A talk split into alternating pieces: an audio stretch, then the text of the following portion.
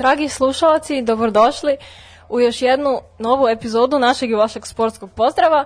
Kao što imate priliku da čujete, večerašnju epizodu započinjemo na malo drugačiji način, odnosno ženski glas je taj koji prvi progovara, da li je to sad neki vid unapređenja ili kazna, to ćemo da vidimo kako će da se pokaže. Sve u svemu, Danas smo tu i u malo drugačijem sastavu. Stara ekipa je naravno tu, odnosno kada kažem stara ekipa, mislim na Stanislava, hvala ti, hvala ti, na Stanislava, Stefana i na mene. A tu je jedno novo lice sa nama, odnosno novi glas. Sa moje desne strane je tu Marko. Dobro večer, Marko. Dobro večer svima. Ja mislim da smo mi počeli da se borimo za jednakost polova. To je to, to je to. Ovo, ovo je ono što se čekalo i što je falilo. Dobro večer, eto i sa moje strane ovaj, i vama prisutnima, ovaj, pozdrav ono, za sve u studiju i režiju, znaš kako je, za Huga i Hugolinu. e, da. Novitet. O, novitet, pa i raritet. da, sve, sve, ovaj, ima još neku reč na teti. Pa, ajde, vidjet ćemo, ja što ćemo da... Da, ono, naš reč na nt. Nutkasna. TNT. da. Ovaj, Sve sve, eto, krenuli smo ovu epizodu malo drugačijem obliku, eto Tanja imala tu čast da se prva predstavi. Imala je između ostalog i tu čast da progovori. da, da, Moram da priznam, znači imala je tu čast da progovori. A je, nisko, nisko. Dugo je nismo čuli. Znaš, ono kao, ovo je sad u 20 sekundi ove emisije si imao, znaš, ono, e, žene imaju pravo glasa i ovo ih je vratio u kuhinju, ono, ekspresno. Tako da, dobro. A eto, imaju pravo glasa, dobila je taj glas. Dobila pravo glasa, ono, šta se, dobro, eto. Super. Uh, Tanja, čime ćemo se mi baviti večeras? Ajde, ovaj, najavite teme pa da se razgoropadimo, pošto smo Pa, spremni. prije svega, kao inače, naravno ćemo da se bavimo Superligom, bavit ćemo se i kupom i svim jel, utakmicama futbalskim koji su se odigrale na našim terenima. Biće tu naravno i pri- priče o prvoj ligi i o svim tim utakmicama koje su se odigrale i sigurno da će biti zanimljivo i potrajeće kao i uvek. Pa To bez sumnje, Da, bez sumnje. da, ovaj ima jako puno, jako puno materijala, ovaj naši klubovi su se i ne samo klubovi nego ovaj svi sportski radnici ovaj domaćeg fudbala su se potrudili da eto mi imamo bogat sadržaj, ovaj raskošan ovaj sadržaj danas. Tako da ćemo danas svesno zanemariti manje sportove, ali to ćemo nadoknaditi u narednom u narednom periodu. Možda i nećemo. Može. Re, obećat ćemo da hoćemo, pa sad jednom ćemo, tam negde u julu mesecu ćemo. Imali da smo situaciju sad kad je bila pauza ovaj, u prvenstvu, kada se nije toliko pričalo o futbolu i naš idejni neki deo je bio da ipak šansu pružimo i drugim sportovima koje od futbala ne mogu da dođu. I stvarno imali smo tu želju, međutim a, onda su se desile neke druge stvari i onda je počela neka da druga okolnost da okupira ovaj podcast, ali svakako mi najviše vremena provodimo na futbolskim terenima i to pratimo zdušno i sa velikim žarom. E sad ovo što kažem zdušno, to je zato što prilazimo a, definitivno kraju sezone, polako se zakuvava, ovo je bilo poslednje 30. kolo kada pričamo o Zakuvalo se, Superligi. mislim, može se reći da se već zakuvalo poprilično. Pa jeste, ovaj, mislim kuva se to davno, sad je definitivno došlo do, Sad do je toga. prelilo šerpu, da. Pa da. Imamo eto tu situaciju da se ove sezone bodovi ne dele, kada pričamo i o Superligi i o prvoj ligi Srbije. I to je jako važno da se napomene, ali pre nego što odemo na, na naše na naša prvenstva, na, na Superligu i na prvu ligu, uh, bio bi red da se pozabavimo i kupu koji se igrao prošle nedelje. U sredu, da, najmasovnije takmičenje u Srba. Uh, odigrani su četvrtfinalni mečevi. Polufinale je rezervisano za 11. maj, ako ja ne grešim. I što bi rekli, postignuto si sledeći rezultati. Uh, ajmo redom kako se odigravalo. Znači, prvo je počelo u Novom pazaru, gde uh, je domaćin slavio protiv metalca sa 1-0 fantastičnim pogodkom Bojana Čečarića i to je sve što ima da se kaže o meču, ništa drugo se apsolutno nije desilo. Meni je ovo iznenađenje definitivno. Zašto? Ako smo gledali kao gde bi moglo da bude iznenađenje u kupu, tipovali smo na neke druge utakmice i ja sam stvarno iznenađen ovom uh, činjenicom Pa ja da, bih je, rekao da da je Novi. Pazar otišao korak dalje. A št, š- zašto? Šta, mislim, trenutno su ljudi u naletu u odnosu na metalac. Pa metalac jeste, ne zna ali, ali ako pogledamo opet, obe ekipe su u donjem delu tabele kad je Superliga u pitanju. Bro, I kada mo- pogledamo da Metalac ima možda kvalitetniji tim od Novog Pazara, to im, je, Možda. to im je dao neku prednost, odnosno između ostalog ja sam tako očekivao da. da će Metalac ovaj, otići u narodnu rundu. ok, ali baš on kontre, što bi rekao Del Boy, pred svojom publikom, u ozbiljnom si naletu, vezao si dve pobede, to je to. Ali vidi, realno ekipe su bile bara bar, Če, Čečarić je napravio razliku i tu dalje nema šta. Novi Pazar je, ovo je najdalje, od- kad su nekad jel, u istoriji da su otišli, nisu nikad daleko ovako. Da, da, stigli su do polufinala. E sad, koga će tamo sačekati, to ćemo vidjeti na žrebu. Uh, dalje možemo, po meni najveće iznenađenje je uh, rezultat na banjici. Ja nisam očekivao ovako glatku pobedu. Upravo tako. To jeste najveće iznenađenje ako gledamo po broju postignutih pogodaka. Očekivali smo i ti i ja od rada Nešto više. nešto više i očekivali smo da Vojvodina nema da kažem takvu dominaciju, dominaciju da, da, da, da. Sateru u 45 minuta, 4 gola, mislim, da je Vojvodina takav prosek davanja golova imala tokom ove sezone, sad bi bili ono na trećem mestu, razumeš, verovatno. Oprali su ih, lagano su ih oprali. mislim, baš onako sad, da li je to slika i prilika rada ili su jednostavno, to je bio ono naš kad ti se nagomilava kad ne ide, ne ide, ne ide, ne ide i onda kad probije, razumeš, onda i frižider da šutneš, on će ući i jebi ga. Namerno sam rekao frižider. Da. sad dalje neko u tom frižideru ili ne, ili je izašao iz frižidera, to je sad druga stvar. Kažu da ako Izašao, padne, izašao je. Znaš da je savet bio ono ako za vreme hladnog rata ako bi se gađali nuklearkama da uđete u frižider da ćete sigurno preživeti. Možda to predsjednik nama neku poruku šalje. Hladni rat. Iz frižidera. Iz frižidera, da. Ajmo dalje. E, strelci za Vojvodinu sajde spomenut ćemo bili Vukčević u 10. Simić u 17. iz prvog 11 terca, Topić u 25. i Zukić u 45. iz drugog penala na ovoj utakmici. E, možemo i na večite, možemo na, ajmo na stadion Crvene zvezde prvo, Crvena zvezda TSC 4-0, i ovde se može reći blago iznenađenje nisam očekivao da će TSC ovako Upravo to, ponižen. niko nije očekivao da TSC ovako lako može da padne na stadion Rajko Mitić. Zvezda je pokazala dominaciju, ali pokazala još nešto više. Pokazala između ostalog i nesportsko ponašanje. To je krenulo i od igrača, a preselilo se i na klupu. Pa to je highlight ove utakmice, nažalost.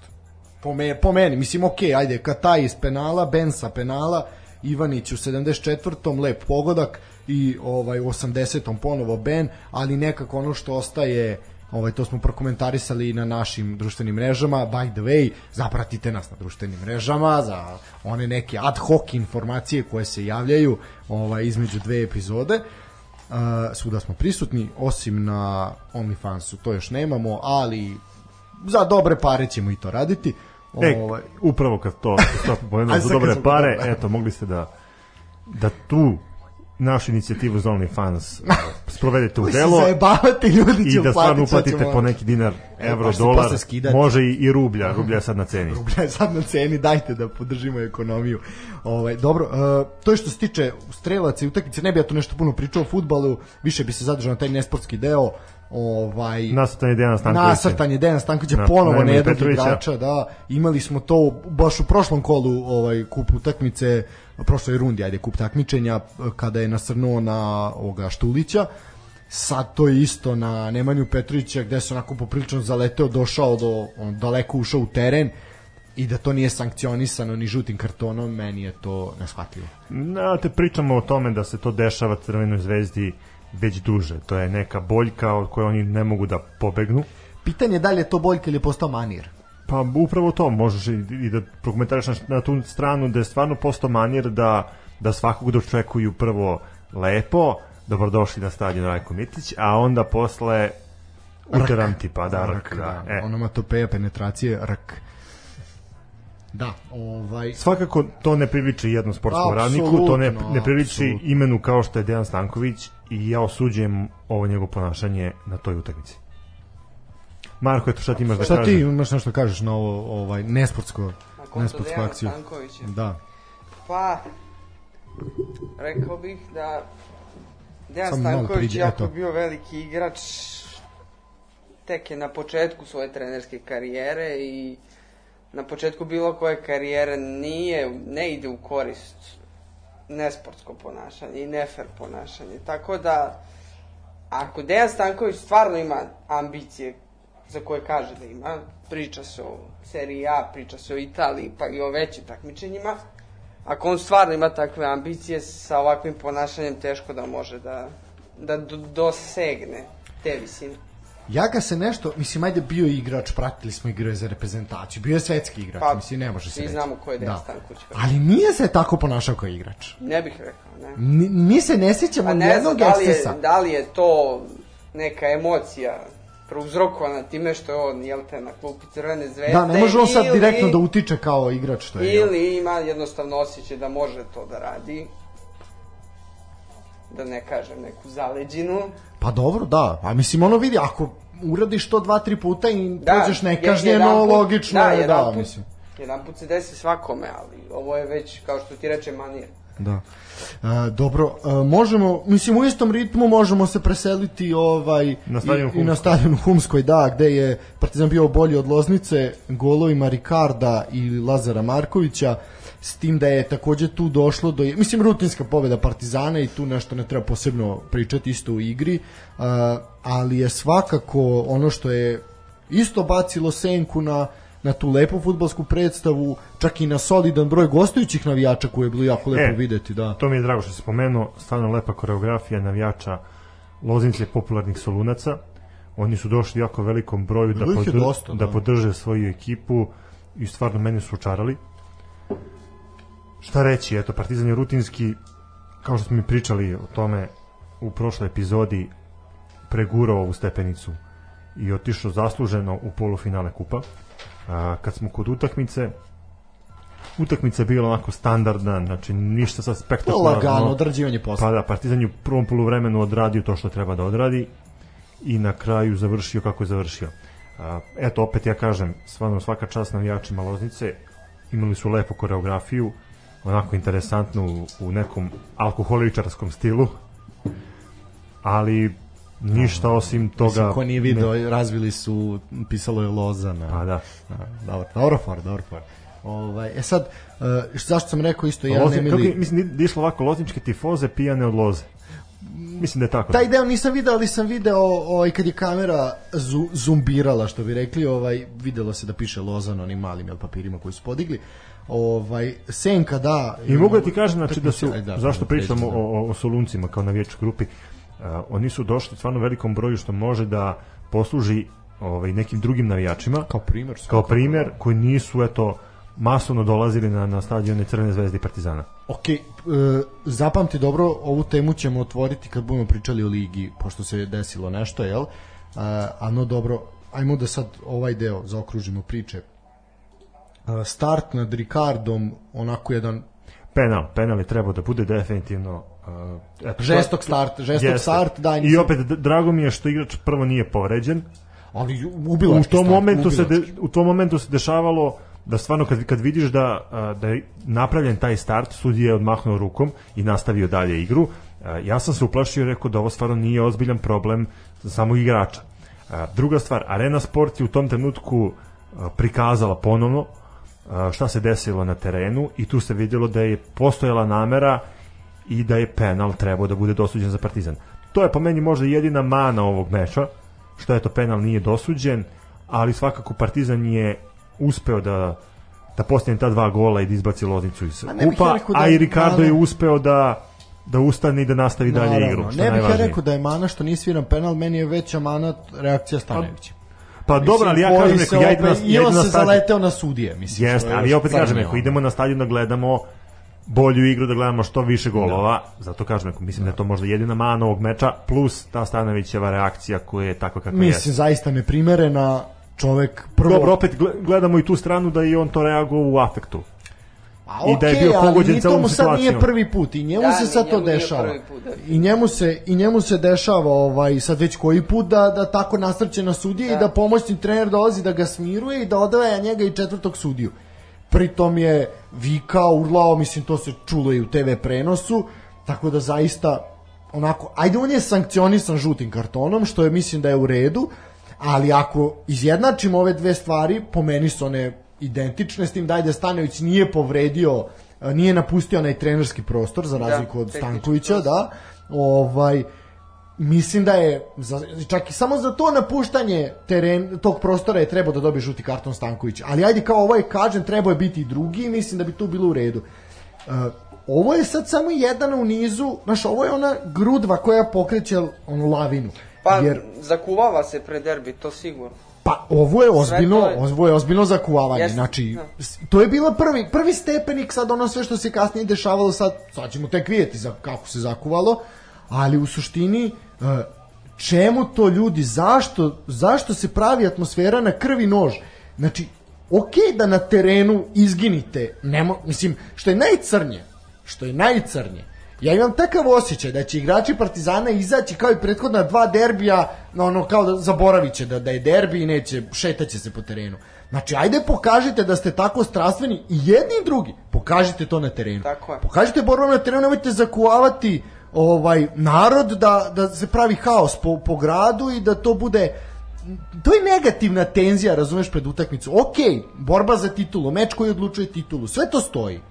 I nek se tako i dočeka, nek bude pun stadion, treba bude 100.000 ljudi koliko može da stane tamo, nije ni bitno, razumeš? Mm, U Rajko Mitiću 55. nebitno, razumeš, rekao sam, znači nek bude, nek ostane 20.000 ljudi na polju, nek ono sluša preko radija, nek ne znam, gledaju svuda, nek, nek Srbija stane taj dan ko što ih hoće, znači taj dan vidjet ćete u nedelj, u subotu, pardon, se Srbija deli na dva dela, na crveno-beli deo i na crno-beli deo. I u toj utakmici će pričati svi živi. Prenosit će cela Evropa ponovo, ponovo ćemo biti onako u očima javnosti evropske sportske. Ajde nemojte pravimo haos, razumeš? Ajde da to liči na nešto malo, samo spustite tenziju, spustite loptu, ali ne da nisu spustili, nego su je nabili, razumeš, ono, preko glave. Ja volim tu tenziju pred derbi. A Tako volim da, ja tu tenziju, ali mislim da je ovo pogrešna vrsta tenzije. Pa, poslednjih par derbija, kao da se pravi, više pravi neka debata o derbija, to to zakuvavanje, verbalne prepirke i slično, i onda dođe utakmice i čuva se rezultat. Jedna i druga ekipa. To može, pa ne mogu sad reći za Ali Zvezdu ajde sad da prošli gledamo put. tu stranu. Čekaj, To si, to si dobro da pomenuo da se ali Zvezda prošli put nije čuvala rezultat, oni su napali i sve stane. Upravo to, jeste, upravo ali to. zato što, samo zato što su namirisali krv kod Partizana, da su se oni povukli. Pa nevo, imamo tu, uh, tu izjavu Đanja Ćurčića, ja njega često, licitiram. Aj, Đani. Ćurčić. Mislim, Ti- svi mi volimo Đanija Ćurčića. Pa a- voli ga i predsednik, a, pogotovo predsednik. Da gledamo na tu stranu da, što je izjavio, eto, da, da, da Partizan za njih par godina stvarno ima problem sa, sa samopouzdanjem kada igra utakmice protiv Crvene zvezde na gostovanjima. E, Ono što mene sad iskreno raduje je to što je Partizan sebi, sebi dozvolio da uđe u tu situaciju u kojoj se sad trenutno nalaze, o čemu ćemo mi da pričamo malo kasnije, i gde sad imamo taj derbi o kome mi pričamo i koji najavljamo cele ove nedelje, gde Partizan nema pravo na, na loš rezultat. Znači Partizan mora da ide na, na, na pobedu i To tu i to me, to, me. Da. to me baš raduje što eto vidjet ćemo da li Partizan može da napadne Zvezdu. Vidjet ćemo Zvezdu kako može da se a, odbrani i kako Zvezda može između ostalog i, i da, da odigra svoju igru. Tako da derbi po meni ovaj koji sad sledi je skroz otvoren i vidjet ćemo šta će, šta će biti. Mislim, ajde sad, ok, ušli smo u priču o derbiju, nema veze. Ovaj, ali Partizanu je svakako trebala pobeda. Oni, on bi i sa nerešenim ishodom bili drugi. Znači, bez obzira što Da. bi bio isti broj bodova. Znači, Partizan je morao ići na pobedu. E sad, lepše je imati ovaj veću bodovnu razliku, ali šta sad, jebi ga, šta je tu je, Da. pobedite, pa pobedite i ostalih sedam utakmica, pa dobro je, šta sad. Mislim, znači, Partizan je sad evo kiksno protiv Čukaričkog. Doći Ne ćemo znači i do da, tebe da, do da, tebe. da, doći apsolutno, ćemo, ali da. opet znači, ne znači da u play-offu neće kiksnuti protiv nekog drugog ili zvezda. Znači, svaki bod zna. Pa svaki bod znači, sad je svaka utakmica na krvi nož. A sad, ajde doći ćemo i do tog. Da, da, polako. Ajde, ajmo da vidimo ovaj deo. Ja bih prvo obradio ovaj deo ispod crte. Pa ćemo onda pričati o tituli. Uh, ajde da objasnimo samo još jedan put, pošto je bio pun inbox poruka. Znači ovako, ljudi, uh, iz Superlige direktno ispadaju posljednja dva tima. Znači oni ispadaju bez ikakvog baraža i što direktno ispadaju i sledećeg godine igraju prvu ligu. Uh, baraž za opstanak igraju uh, 14. ekipa i 13. ekipa. Tako je. Protiv ekipe koja će biti treće plasirana i četvrto plasirana u prvoj ligi nakon play-offa prve ligi. Jeste. I ono što je važno da napomenemo, ekipe koje se nalaze u toj situaciji da igraju baraž protiv ekipa iz prve lige, imaju pravo domaćinstva u odnosu na ekipu iz prve lige. Znači, Prva li, ne, prvo su domaćini iz prve lige. Prvo je ne, utakmice su domaćini ja iz prve mislim, ja lige. mislim da imaju, ne, ja mislim da imaju pravo da na, na povlačeni status. Ne, ne, ne, ne. Prva liga, uh, znači četvrto plasirani iz prve lige igra protiv 13. iz Superlige, prvu utakmicu. Revanš je na uh, terenu Superligaša, a znači treći plasirani iz prve lige protiv četir, uh, 14. jel u Superligi, isto igra kao domaćin, prvo igra prvoligaš, a onda je revanš na, na Superligaškim stadionima. Tako sigurno, evo. Piše crno na belo. Sve napisano. Evo duša, evo tebe. Evo ponovno se evo stid. Gotovo, sve koreografije. Ovaj, dobro, ajmo, ajmo redom, ajmo početi onda sa, sa kolom. Ili ćemo na jednu pesmu malo? Mogli bi jednu pesmu A, jednu malo, da. pesmu, pa ćemo, pa ćemo onda se baviti baviti ligom. Taman su i polovremena, nismo rekli bok te čoveče.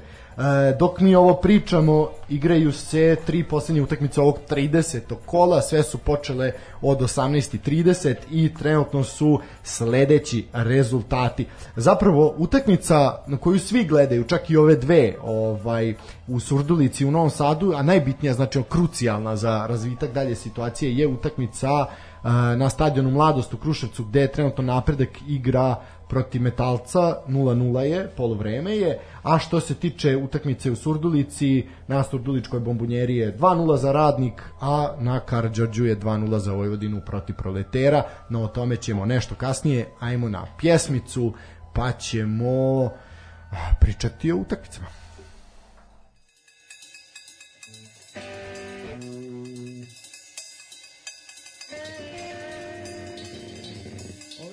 Troy Green.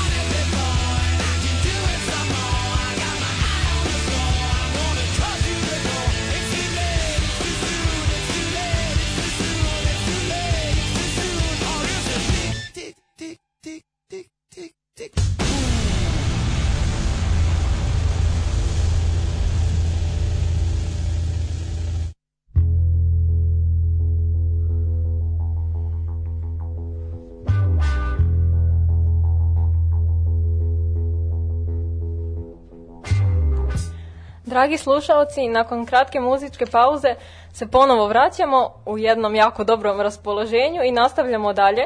Započinjemo, odnosno nastavljamo priču i počinjemo sa Superligom. Prva utakmica koja se odigrala je između Spartaka i Loznice koja je završena rezultatom 4-3. Komentari. Kolubara iz Lazarevca. Kolubara, izvini, moja greška, ja sam, ja sam pogrešio, mahinalno sam ovaj, napisao Loznica Nilo Zrca, nego Kolubara iz Lazarevca. Jebi ga, jedni drugi su zeleni, razumeš, i totalno sam pernutao L. moja, moja i na L, razumeš, moja, moja greška, znači Lazarevac je u pitanju, Kolubara. E, Meni, meni u, najbolja utakmica, ubedljivo opet razmišljanja, najatraktivnija, naj... Mislim, e sad, aj dobro. A reći ti zašto? Zato što Ajde, kada pogledaš utakmicu od početka do kraja, Dobro. rezultat je taj koji je takav kakav je, odnosno Spartak je dobio rezultatom 4-3. Imam neki osjećaj da je utakmica mogla da ode lagano na nekih preko 10 golova.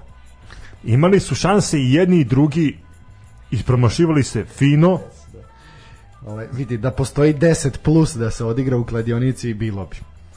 Ali možda ne postoji jebi ga onda razumeš. Pa ne bi bilo. Da, da, da, je- da je neko odigrao ne bi bilo sigurno. E, pa Da, da, da, da, da. mali tajlanđani. Mali Tajlanđani su svoje male prstiće ponovo ovaj, umešali u srpski futbal. Bolje je da prave kvalitetnije te Nike patike nego što se zajebavaju. Ovaj, Ovaj, da, viš, moj fazon je prošao. To je to, ja mogu kući, razumeš, ja sam sve uradio. E, da, ovako, pa jeste 7 plus, sve to stoji, ali ovo je onaj, naš onaj idealan meč za raspravu da li je namešteno ili nije namešteno. 0-1, Marjanović u 36. do poluvremena ostaje 1-0 za goste i onda Nikola Srećković. Čekaj, pa- to moram da kažem, rapsodija golova. Rapsodija, da, ono, uve, majke mi će doneti teglu. I za svaku floskulu koju bubnemo, ćemo morati da ubacimo nešto u Ali moramo napravimo rečnik pojmova. Da, da, da, ono, lopta je okrugla. Danas igraju danas igraju fudbal, ekipa je pokazala karakter, Rapsodija gola, rapsodija golova, da. to- Znači, svaki put ćeš kovanicu od minimum 20 dinara morati ubaciti. Ali pošteno. Evo, ja Da. mislim da to, ono, skupljamo, skupljamo, pa onda, ali nema na crtu je, ga. Ne, ja mogu samo da ti kažem jednu stvar. Mi ćemo više da zaradimo tako što ćemo ubacivati u, Nego što u tu kasicu, nego što ćemo vidjeti da, da pogodimo taj tiket humanitarni koji gađamo evo već 30 puta. A, da, ja moram priznati da ovaj put nisam odigrao. nisam stigao, jebi ga. Ovaj, ali promašili bi, promašili bi, reći ću ti na čemu. E, pa na Partizanu bi promašili. Tu bi pali. Tako da, aj, uštedili smo neke novce. E, sve u svemu, da, ajmo malo ovako. E, Srećković je u 52. izjednačio da bi Nikolić e, sa 11 terca u 66. povećao na 2-1. Isti igrač Nemanja Nikolić u 73. pogađa za 3-1. Najbolji strelac ekipe iz Lazarevca Đuranović smanjuje na 3-2 u 75. Onda je Andrić izjednačio u 86. i u 93. minutu rezervista Tošeski onako iz slobodnog udarca čovjek je šutirao pogodio, mislim da se ni on nije nadao da će pogoditi. Ovaj bilo je daj samo da pogodim okvir gola pa ako uđe uđe. Ovaj i prvi put posle pet i po meseci Spartak dobija na svom stadionu. Uh, što se tiče ekipe iz Lazarevca, ajde da zaokružimo njihovu priču u ovom drugom delu sezone, a pre definitivno play-outa koji će igrati. Uh, a to je da su krenuli dobro, vezali su nekoliko pobeda i onda u finišu poprilično loši, jako su loše finiširali ovaj deo, deo sezone, imali su posljednjih pet kola tri poraza i dva nerešena, što je jako slabo s obzirom na to kako su krenuli. Uh, šta da kažem? Opet ja gledam njih kao stvarno iznenađenje ovog prvenstva. Ekipa koja je projektovana unapred da napusti rang da, je došla u situaciju da, da, da, da, može stvarno da, da igra taj superligaški futbal na nekom određenom nivou. E, mnogim timovima su zagorčali, uzeli bodove definitivno stoji. i zato ja mi ih onako trenutno baš Srpski cenim. Sassuolo, srpski Sassuolo. Jeste. I ono što sam više puta napomenuo, stvarno se vidi da taj grad, Lazarevac, živi za, za, za Kolubaru i da, da je stadion poprilično pun kada, pun. kada ima mesta da se da se utakmica odigra onako kako treba da se odigra. Kritikovali smo njihov stadion teren, a, teren, teren, da. teren smo kritikovali to da jeste bilo usled loših vremenskih uslova zaista je ono u par momenata bio jeziv ali ajde ono kao preživi se sve to i ajde možda će biti neki para nešto pa će se to srediti ali definitivno to što se tiče Spartaka Spartak je onako pa onako Pa meni je Spartak razočarenje. razočarenje, možda čak i najveće razočarenje. E, Po imenima zaista imaju tim za play-off, sačuvali su kostur ekipe, pojačali su se, došao je Neca Mihajlović, tu je Taki Nikolić, Tufekđić je ostao, Srećković je tu, znači uh, sve ovaj Japanac sad mi mozak stao. Šimura je tu znači sve su to oni sačuvali taj neki kostur ekipe čak se i pojačali Miša Dubljević je bio odličan na golu ovaj i jednostavno nije išlo. Znači dešavalo se da pobede i kad se nije očekivalo ali dešavali su se i takvi kiksevi da to nije normalno ono zaista ne znam uh, u drugom delu prvenstva u osam odigranih mečeva samo četiri boda Znači, za tokom cele sezone u 30 utakmica samo dve pobede u Subotici imaju. Čak nisu ni domaćinska ekipa. Pa nisu. Znaš da da. možda kažeš kao ekipa koja bodove osvaja samo kući, znaš, ono sa strane kako Pobedili su ubace na- nešto, ubace Da. ovako ništa. Pobedili su napredak i metalac, a pre šest meseci bila ta pobeda. Znači jezivo. Jezivo. Ovaj, znači, o, eto, osam pobeda ukupno u sezoni, šest je na gostovanjima, zaista, zaista ovako jedno poprilično loša loša ovaj Loš sezona. Spartak ove sezone. Loš Spartak. Nadamo se da neće Neće da im se u glavu. Da im se da neće biti u glavu. Mada ako se prisjetimo i prošle sezone su oni tako klizili, klizili, klizili, pa nekako onda uspeli da se sačuvaju u posljednjem trenutku. To je to u suštini što možemo... Marko, imaš ti nešto da dodaš za Spartak i... Spartak. Pa i ja sam isto više očekivao iskreno. Ovaj ne znam, po meni Tufekđić je dosta ovaj i dalje on dobro igra, ali nije Nekako to je ni blizu, ni nešto, blizu da. kao prošle sezone. Ja sam očekivao da će to ići na, na gore, da će to biti bolje. Znaš kako, treba da. Da. da treba je transfer da usledi u Da, da, tako je, tako je, Da, tako je, sećamo se te priče, onda tamo u I neki Kružu izbio turski haos. klub je isto bio u igri, se, da. da. Ovaj, da li Galata ili sad Bešiktaš, Pa neko, ne, neko, dobar neki turski Ili. Trabzon, nešto je bilo Tako sad sam zaboravio. Trabzon, Trabzon, bravo, bravo, da. Aj, kako sam ovo izvukao. Ovo će biti pitanje na kvizu. Da, da, da. Definitivno. E, znači, ono Ne kažem ja da je loš, dobar. Nije, ali- Samo očekivali smo. Znaš kao da je i on jadan, ono, znaš kao, propali su planovi za transfer i onda kao, naš, Ne, izgubio je volju možda, može Pa, biti da je to, to neki mi razlog. možemo samo da nagađamo. Naravno, da, to, time Ja mislim da je do, do ekipe, e, Nismo mi neki stručnjaci. ja opet kažem, ja mislim da je do ekipe, ekipa mi ne deluje kao ekipa. Dve smene trenera, ja bi ga, znaš, Ne kažem, to- mislim, statistika mu je lošija nego prošle sezone. On dobro igra. Na primjer, ova asistencija sad prošlo kolo, odlično. Odlično. da. Mislim, to ono oči na leđima. E Jeste, sad, da. da. možemo da prokomentarišemo i ovaj e, Nikolića, koga, jel te mi kao bivšeg vi? igrača Partizana volimo da prokomentarišemo. Dobro, ajde, slu- slušam te. Pa, ja iskreno nisam više očekivao njega, ali... Pa, ali, mislim, on meni nije bio loš ni u Vojvodini, bio je dobar, a u Spartaku je opet fantastičan. Normalno, odličan je bio, odličan. Odličan. A mislim da samo u Partizanu nije našao svoje E, mesto, nekako se nije ja-. Jednostavno, Ja prvo nije, gledam, nije da. dobio šansu. Da. Kakvu je očekivao da će dobiti? Pa sad... Druga stvar, i u, momentima, je, da. i u momentima kada je dobio šansu, znao je da se zbuni, znao je da razočara. I jednostavno videli smo da ne može se nositi sa pritiskom velikog kluba. Druga stvar, Partizan je u tom momentu njega projektovao za drugog napadača. E, tu je problem, tu je problem.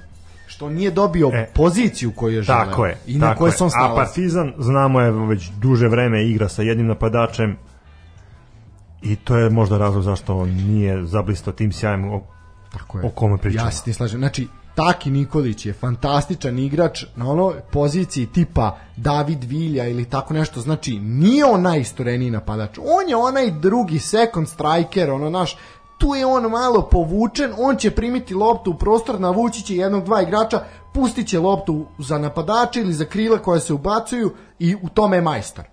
Misli, to igra u Spartaku, to je igra u Vojvodini, u Partizanu kada je igrao na takvoj poziciji, kad je igrao tako, to je bilo fantastično. Ređa imao je on asistencije, bilo je to sve dobro. Kada je bio najistureniji, on nema snagu da nosi na leđima ove naše balvane. Nema realizaciju, da kažem. Ali ne, nije takav, naš, nije on žiru da on može da nosi na leđima dvojicu ili Mitrović ili šta znam, pa da se okrene, pa da, znaš, za to ti treba ogromna fizička snaga, on nije to, on je više čovjek tehnike nego sirove snage. I ja opet mislim da je on igrač za Superligu.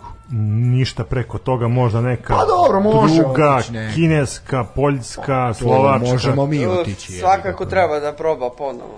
Mislim, mnogi su probali, mnogo gori igrači od njega. Tako Vidi. Ne, mi ne kažemo za njega da je loš igrač, Ne, samo kažemo mislim da da, da nije se snašao i ja projektujem njega kao igrača koji može da da igra za bilo koji klub u Apsolutno, Superligi, ali ne vidim ga da može da napravi neku malo zbiljniju karijeru. Pa to, znaš, on može da igra tipa neki klub koji se takmiči u Ligi konferencije, eventualno bude zamena u nekom Ligi Evrope. Ako tako bi rangirali klubove naš. Mislim da to- Možemo to ga čak vidjeti u možda- nekom... Možda ono, previše, ali eto, ajte opet, na njemu je da nas razuveri, pa ćemo da Pa vidimo, mislim, vreme će da Flori. Stalina jebi ga možda igra. Je, sad Evo da tako. uporedimo, na primjer, e, ja bi njega uporedio sa Ožegovićem. Dobro, drugačiji su, ali ajde. Jeste, ali opet je- Ožegović je ozbiljno ime. Ozbiljno ime, A da, evo Da, a što, da, po čemu je ozbiljno ime? po tome što čovjek je prvo igrao za reprezentaciju. Ok, aj, dobro. E, druga stvar, č- čovjek je, ja njega lično ne volim zato što mislim da je mamlas, da je balvan. I da da dečko nema kulturu ponašanja jednog futbalera. Zato Sportiste generalno. Sportiste generalno, eto to. Ali mislim da je mnogo više uradio za taj neki futbal koji on igra, uključujući timove koji su se takmičili kod nas da kažeš, od, od Nemanja Nikolića.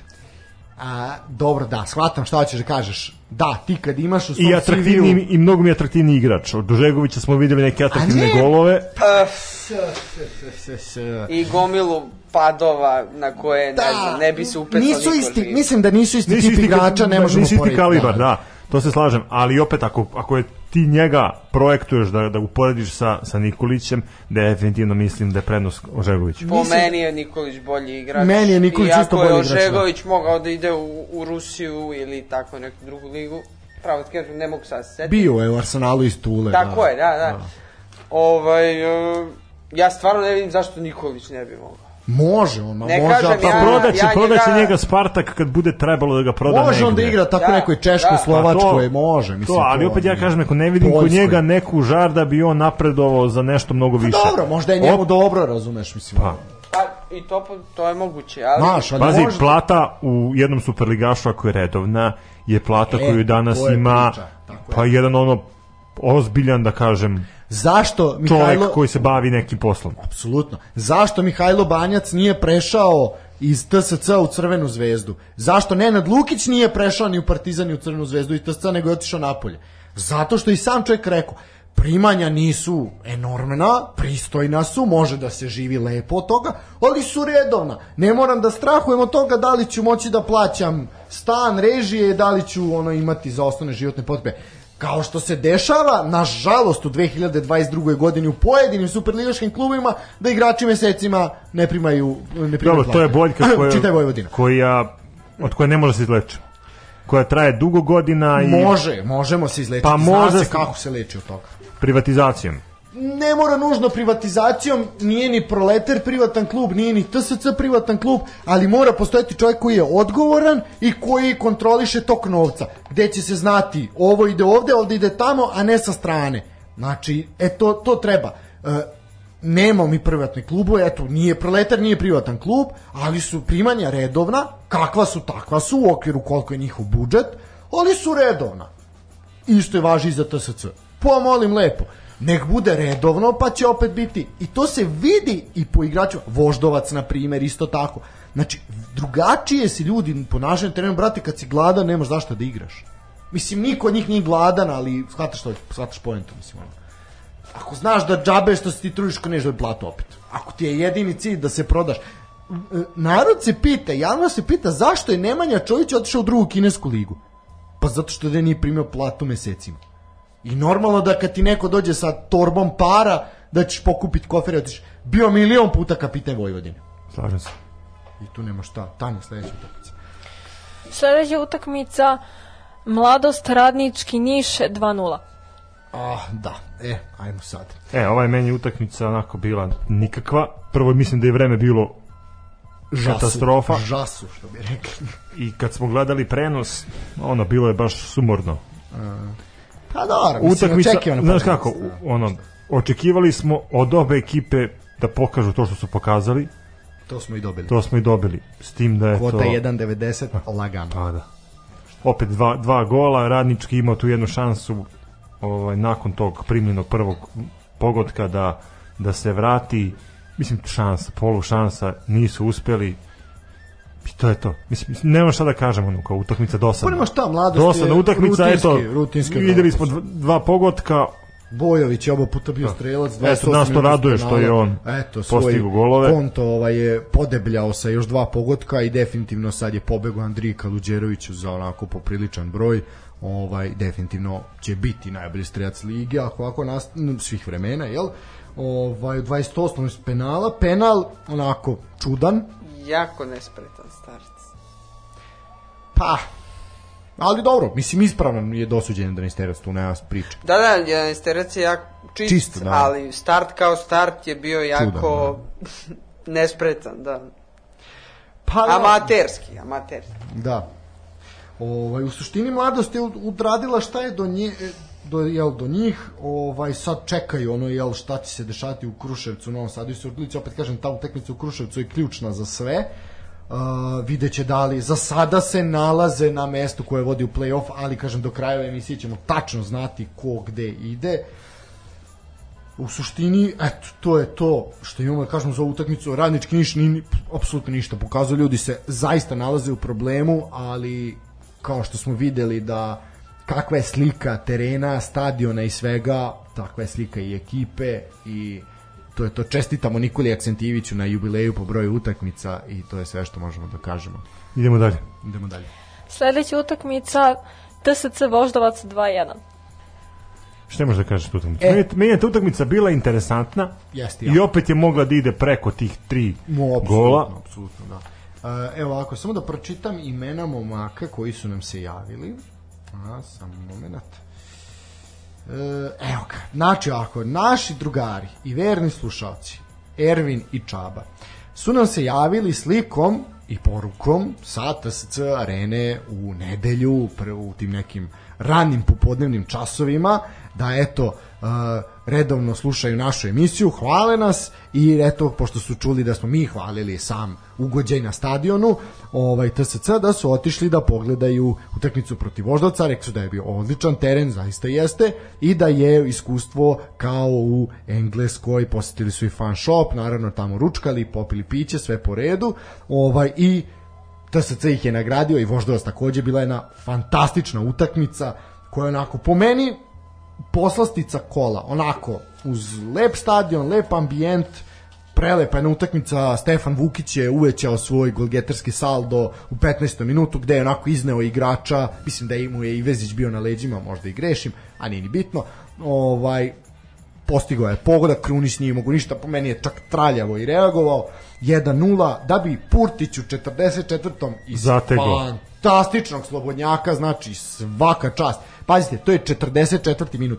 70 sekundi kasnije, šut iskosa sa leve strane, lik pogađa prečku, prečka se, od prečke se odbija do Stanojevića koji šutira prvi put, međutim golman Krunić je na mestu, odbija loptu nazad do njega i ovaj iz trećih puta pogađa u mrežu za 2-1 u 45 minutu, svi su bili u šoku, znači ovacije i za jedne i za druge, javljali su se i drugari iz Voždovca, Ruža je bila na meču, pa javljali kao kako utakmica gledate, da, brutalno je, I drugo polovreme je bilo dobro, ne na tom nivou kao taj završetak prvog, ali svakako ko je bio na stadionu i ko je gledao utakmicu kao ja preko malih ekrana, zaista je ovaj bio zadovoljan. Pobjeda TSC i za veliko slavlje uh, TSC i Voždovac su tu negde u borbi za to četvrto mesto, da vidimo ko će, ko će ići ovaj u Evropu zaista eto, zaista prelep, prelepi golovi i lepo je to sve bilo na odličnom terenu, po lepom vremenu, sve fantastično i možemo samo poželjeti da ovakvih utakmica bude što više. Slažem se. Tanja, najavi sledeću.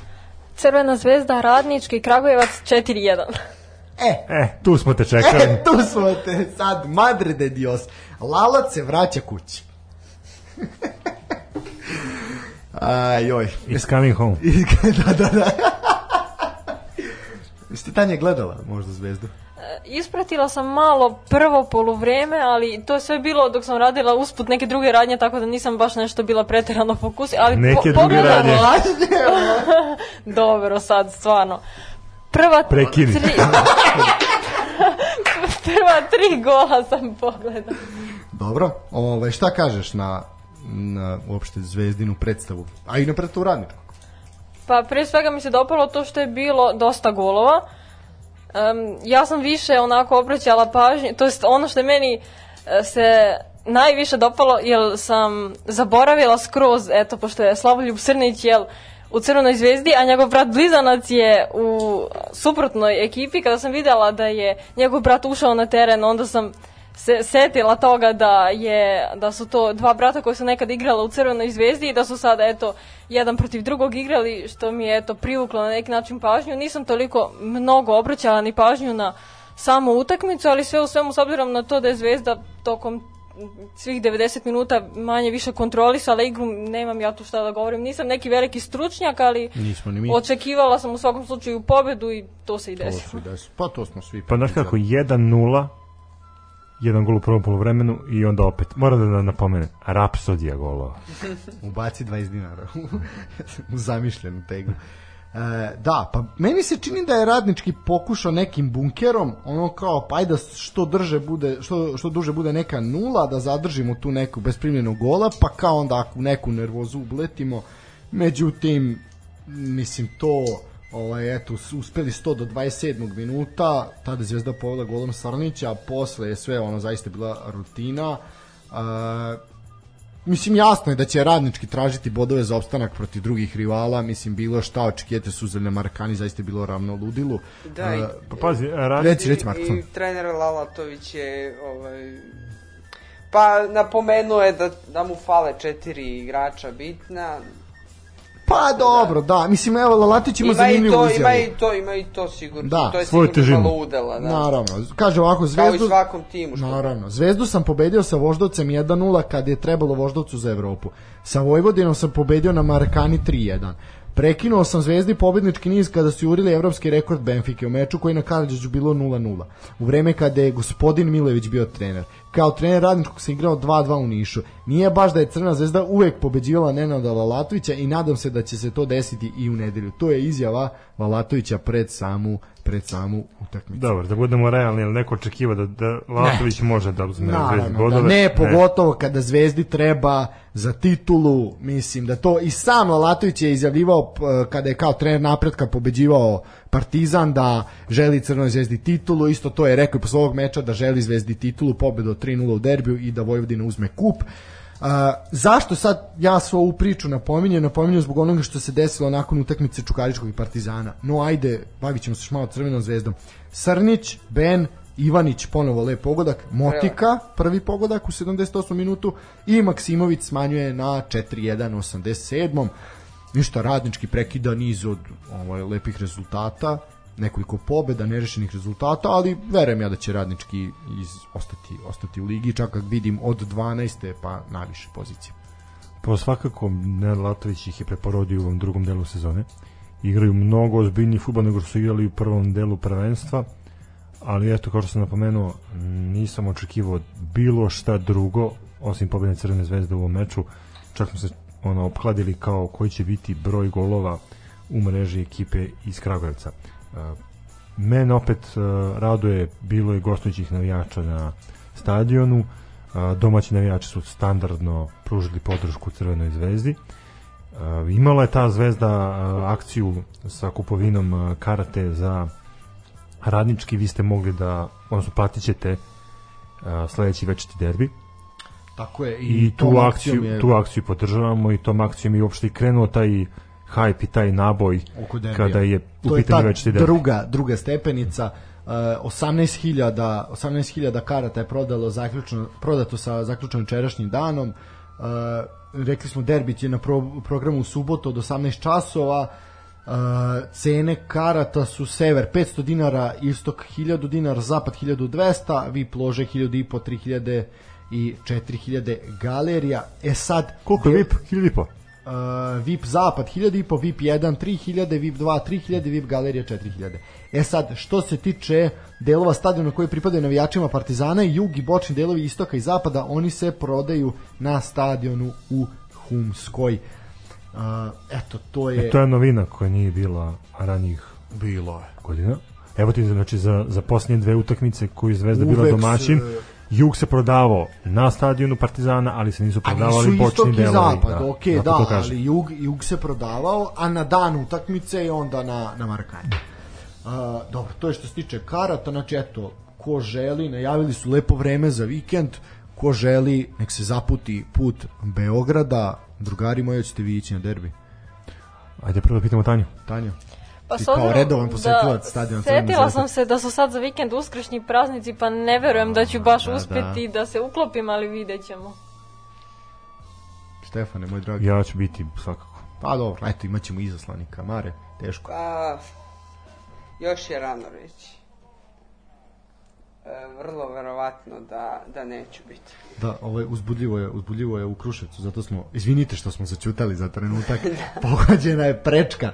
Ovaj pa napredak, pošteno steže obruč, a ovaj metalac se ne da. Ovaj zaista lep lep udarac, ono zamalo autogol Lukina koji je ono pogodio svoju sopstvenu prečku. Ajmo na Banobrdo. Partizan i Čukarički 0-0. Čukarički Partizan. Da, čukači. Dobro to. A, Iznenađenje kola. može se reći. Definitivno. Ne, definitivno iznenađenje kola zato što niko nije očekivao da Partizan može da prekine tu svoju seriju i da može da upadne u mnogo veći problem. Pa sad, ono, mislim, opet kažem, vrlo je diskutabilno da li je to sad veći problem. Partizan ne mora da pobedi u derbiju, pa je mora da pobedi. Znači, ništa se ne menja. Isto je.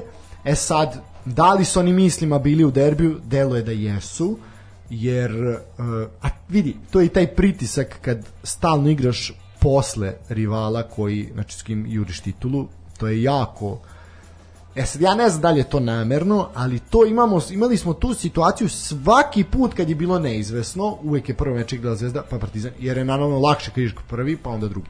Uh, to, ako je namerno, jako je ružno i perfidno, ako nije, jebi ga opet je veći pritisak na ima što Pa kasnije. nije, ali ajde da, da, da gledamo to malo sportski.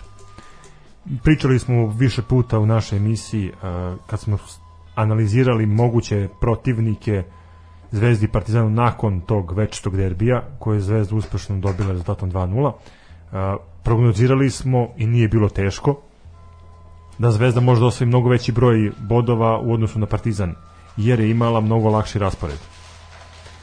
Partizan je eto igrao utakmicu i zatvorio taj regularni deo prvenstva protiv ekipe koja je trenutno treće plasirana a Čukarički je pokazao sav svoj kvalitet koji ima pritom su igli na svom domaćem terenu Da, e sad, uh, mislim, utakmica je bila dobra, zaista su ono samo falili golovi.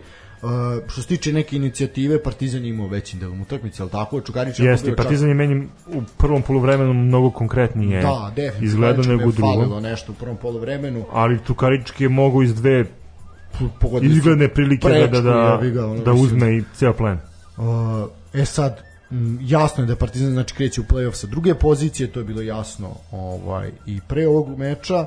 Čukarički sa treći, njihovo mesto nije bilo ni uzdrmano. E sad, ono kad se uzdrmalo sve, je posle izjave uh, pa prvo je Aleksandra Stanojevića, ali više svakako Sašilića. Mislim da je pogubnija izjava bila po Sašilića. ali ja bih prvo uh, iskomentarisao znači samo dešavanje na, na, na terenu Može, da, bez... A, ono što je diglo najveću prašinu desilo se prvih ono 12-13 minuta a, taj žuti karton i taj start navodno start na Ricardu ja hoću da, da čujem od vas kako je vama to izgledalo da li je to bilo stvarno za žuti karton da li je bilo za crveni Ili nije bilo ni za šta. ili ništa ovaj eto mogu bi Marko ti Pa da nam Marko, kažeš da, to definitivno to. Mislim iskreno sve oče suprete ka tebi. Da, da, da, tako da od vidim, tebe očekujemo. Vidim, vidim, primetio sam.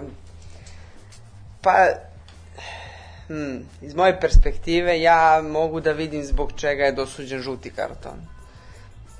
Više razloga.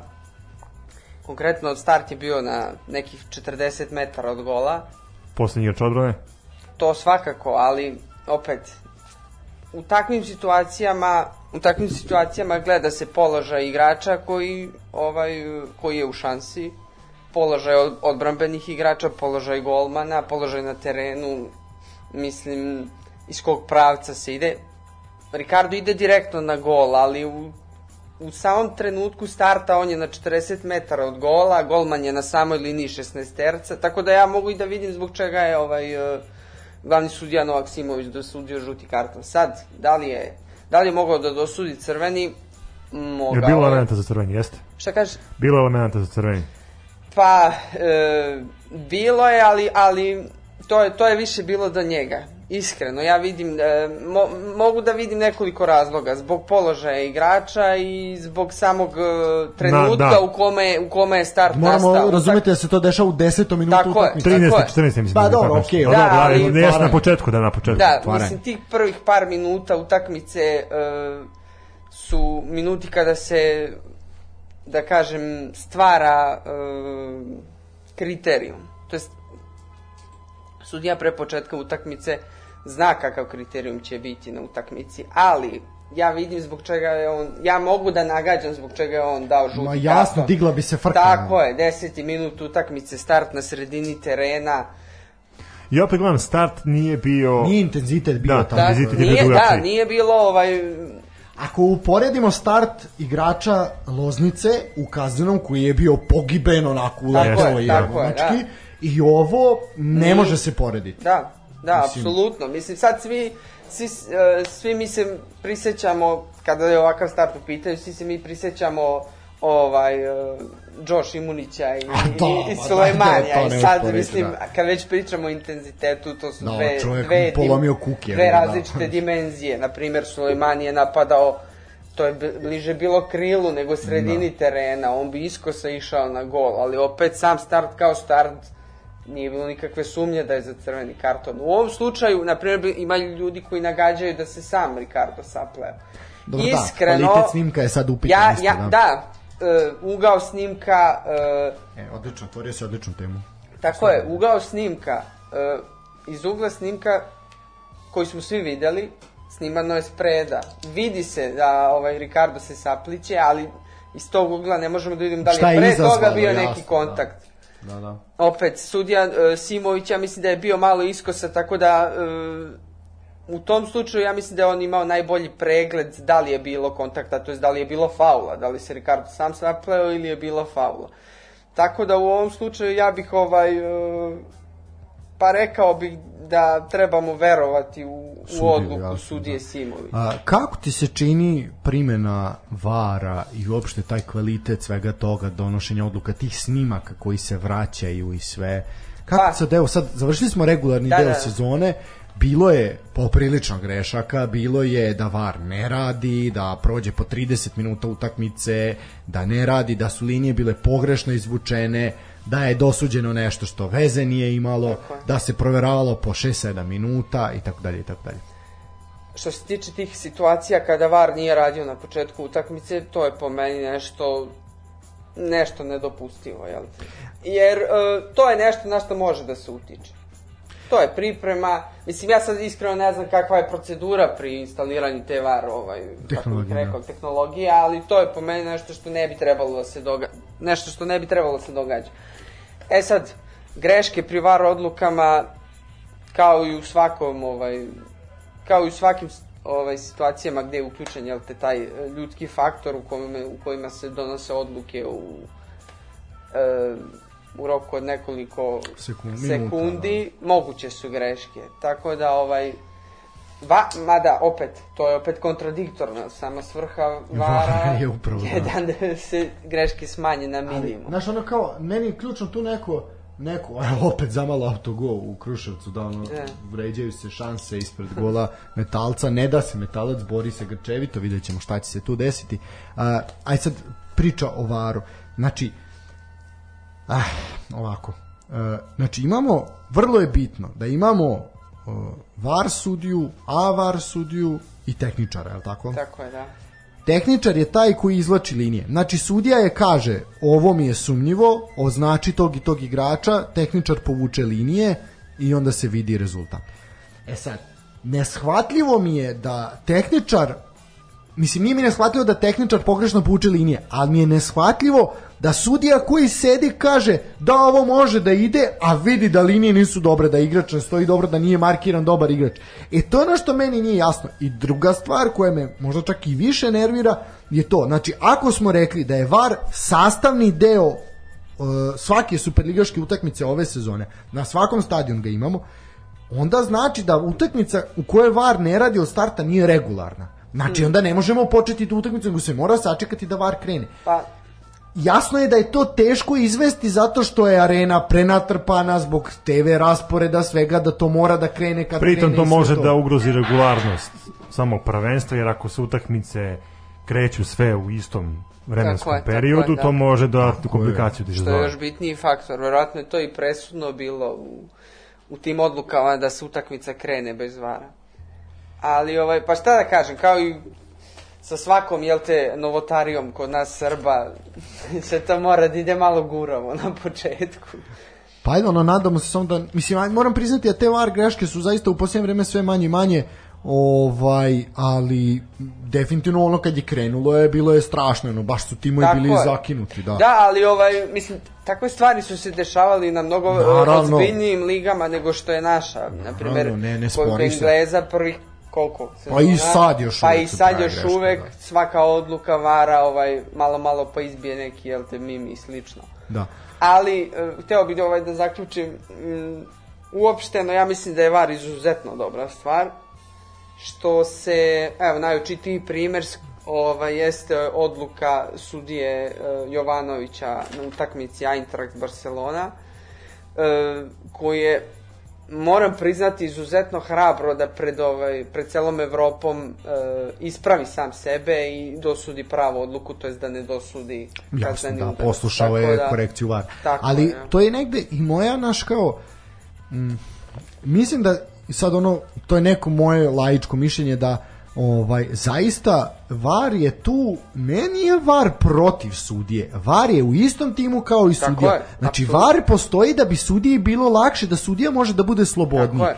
a čini mi se da je kod nas postavljeno tako da je VAR protiv sudije, e VAR kontroliše sudiju.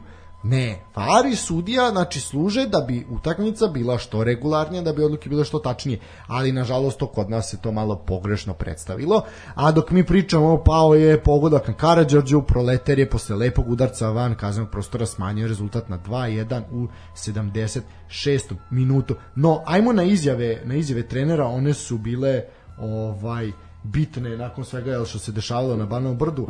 Što se tiče utakmice, mislim da to manje više sve rekli. Uh, prvo, možemo prvo izjavu Stanojevića. Uh, ovako, Može. on je rekao da je njemu važno da smo što duže u konkurenciji, ranije smo otpadali već u prvom delu, sad se borimo za tu titulu, nije lako boriti se sa svim ovim stvarima, Zvezda ima jedan moćan tim, nije lako boriti se s njom, ali ni sa jednom institucijom koja rade sve da, uh, rade sve da oni pobede. E sad, ha, ko će prvi? Gost. Ajde. Šta kažeš na izjavu Stanojevića? Uh, Slobodno, pa, otvori dušu. kada si me pozvao za ovu emisiju, prva stvar koja mi je pala na pamet jeste bila, ovaj, šta ću reći o, o, o Stanojeviću. Iskreno, kada sam, prva moja reakcija kada sam čuo da će ovaj Stanojević biti novi trener Partizana, to jest kada je ponovo došao, Dobro. bila je izuzetno pozitivna. Sledeća moja reakcija je bila kad sam video da će dovede Miljkovića u tim. I ovaj i nakon toga ovaj mogu da kažem da e, onako kao, kao sa bivšim devojkom, znaš, onako, bilo nam je lepo nekad u tom prvom njegovom mandatu, a sad samo gora, Mogu bi da kuku, ponovimo još jednom. a? samo gora kuku su ustima i što dalje od a mene. to, upravo si, ovo je, ovo je najbolja, najbolji opis koji neko da se da. Znaš ono kad imaš, kad si s bivšom devojkom, znaš kao onda, ok, ajde, bili ste, niste se slagali, različili ste, raz, Ne, ne, bilo, bio meni, buran. meni je sa Stanovićem prvi mandat Bilo bilo lepo. super, E, Bilo je, pa super, prva ljubav, da. I bio sam mlađi ne iskućen, razumeš? da, da, to je problem.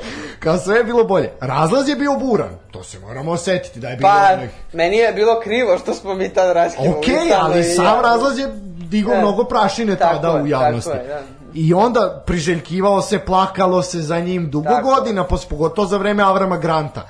Dugo Ja, se priželjkivao da. stanove. Da, da. Ovaj, sad malo otvaram stare rane, jevi ga. Da. I onda kad se priželjkuješ ga, priželjkuješ i onda ga idealizuješ. Samim tim što nekog toliko želiš i pogotovo toliko dugo vremena, ti si ga malo idealizovao. Kao i sa bivšom devojkom. Znaš, jedan put bivša devojka ima ono slovo veću korpu, razumeš, i bolje izgleda i sve i lepša je, a onda, znaš, kad ti se Ja. ona vrati, znaš, kao te prvi osjećaj, i onda posle prvog jel seksa, onda aj jebi gi paket to. Ujebate. Truba ko što je razumeš? Da. Onda se setiš, a jebote, da, Miljković mi igrao beka. Ujebati kako sam bio mlad i neiskusan. Da, ono, i mislio sam da je Miljković fantastičan bek. Razumeš? nis, ni tad nisam mislio, ne, daleko bilo, toliko sam, toliko sam bio pametan. Ovaj. Ne, kad, je, kad sam video da dovodi Miljkovića, pa kad je posle došao i Obradović, pa kad je došao i... Mislim, Marković je već bio tu, da? Marković je bio, da. Ali, ovaj, kad To je to već... projekat koji se zove Naša deca. Tako je, tako je, da. Za našu decu. Da, za našu decu, da. Onda, ovaj, jednostavno, ono, To je to. Znaš, umrlo je nešto u meni, zastane ja. Bukvalno. I ovaj, ne znam, i stvarno hoću da istaknem, ja ne znam da, mislim ne znam, da li su oni stvarno mislili da oni mogu celu sezonu da izguraju sa, sa ovakvom ekipom. Da, da, da sve karte staviš na Ricarda, bukvalno. Pa da. Mislim, evo Ricardo, da kažemo da ima neki manji pad forme, evo vraća se, hvala Bogu. Pa čak i ga je odmenio hvala- Budavić protiv Da. Roševića, ali protiv Tosca. Tako je, da. Ovaj, evo, sad vidimo da se Ricardo vraća, čak je i Marković dao gol, Dobro. mislim što treba napomenuti. Ali ja mislim Ali da je ovo ovaj- tradicionalna Partizanova boljka u tu utakmicu. Znaš kako, Partizanu je uvek problem utakmica pre derbija. Zvezdi je uvek problem utakmica nakon derbija. Tu je jednostavno neka psihologija koja se u tim klubovima provlači 70 i koliko godina postoje, to je jednostavno tako. Znači, uvek je Zvezdi problematična utakmica posle, Partizanu utakmica pre, jer Partizan uvek ima strepnju, Tako a. Zvezda se emocionalno isprazni i onda je problem protiv naravnog protivnika. Uvek su kiksevi Zvezde bili nakon derbija, nakon prva utakmica posle. Ova, ili bude patnja neviđena. Uh, ne znam, mislim, što se tiče ove izjave, ajde kao, Stanojeviću definitivno je ono, vidi se da, ono, da je nervozan, Pa gori njemu, mislim, pod nogama već duže vreme, ovaj. da, da, sad, da li mu se ljulja klupa, mislim da Ne, ne. mislim, ne, ne, ne u tom, ali titula se ljulja već. Titula je ozbiljno Da. poljuljana, znači daleko Mislim, je. Kogu, on- vidi, imao si pet bodova prednosti, držao si je čvrsto u rukama, sad je ona negde daleko, Da. razumeš, sa druge strane autokomande. Ovaj, bliža je tamo.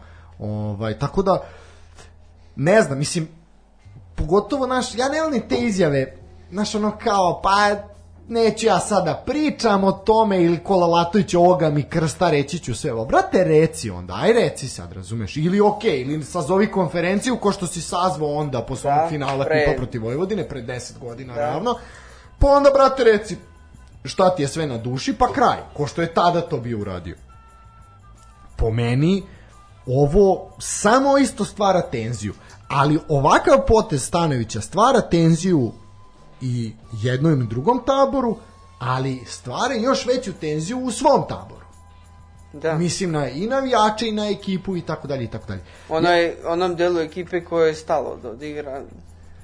Pa veliko je pitanje da li sad tu saista ima nekog da mu nije stalo Pa, ne znam, ja na primjer mogu da, neću da izdvojim, ali mogu da u svojoj glavi izdvojim par igrača koji Da jednostavno... sumnjaš u njihovu Da lojalnost. Pa ne u lojalnost, oni su lojalni. Dok god je njima dobro u Partizanu, oni su lojalni, ali Da. nemaju, da kažemo da nemaju obraza. ja mislim samo da, je, da, da nije to ne bi Mislim, tako gledaj, sad smo mi, da, ono, mi smo sad tri lika koji sedi... I seru, I seru, razumeš? I sad, lika i teta. taj moj, sta, taj moj status meni daje za pravo da ja prozovem naravno ljude, pa, ovako mislim. anonimno prozovem, ali... Nije anonimno, ako, to već ako, je time ako, se ikad ovo dođe do se njih, ja se nadam da će se prepoznati. Ne, vidi, mi smo imali situaciju gde smo, aj podsjeti me za šta je bilo. Za šta je bilo da sam rekao da ću se izviniti ako nisam u pravu? I ni, naravno, Bila je situacija. bilo je situacija kad su rekli pa nije to baš tako ko što vi pričate, to je drugačije. Pokažite da je drugačije, ja ću prvi izaći i reći ja se Da. izvinjavam, pogrešio sam. Nama da, mi, poenta svega ovoga, sve ove naše priče je Znači, prvo da mi primimo metak da ljudi ne moraju da gledaju, da samo saslušaju, razumeš, to je prva stvar.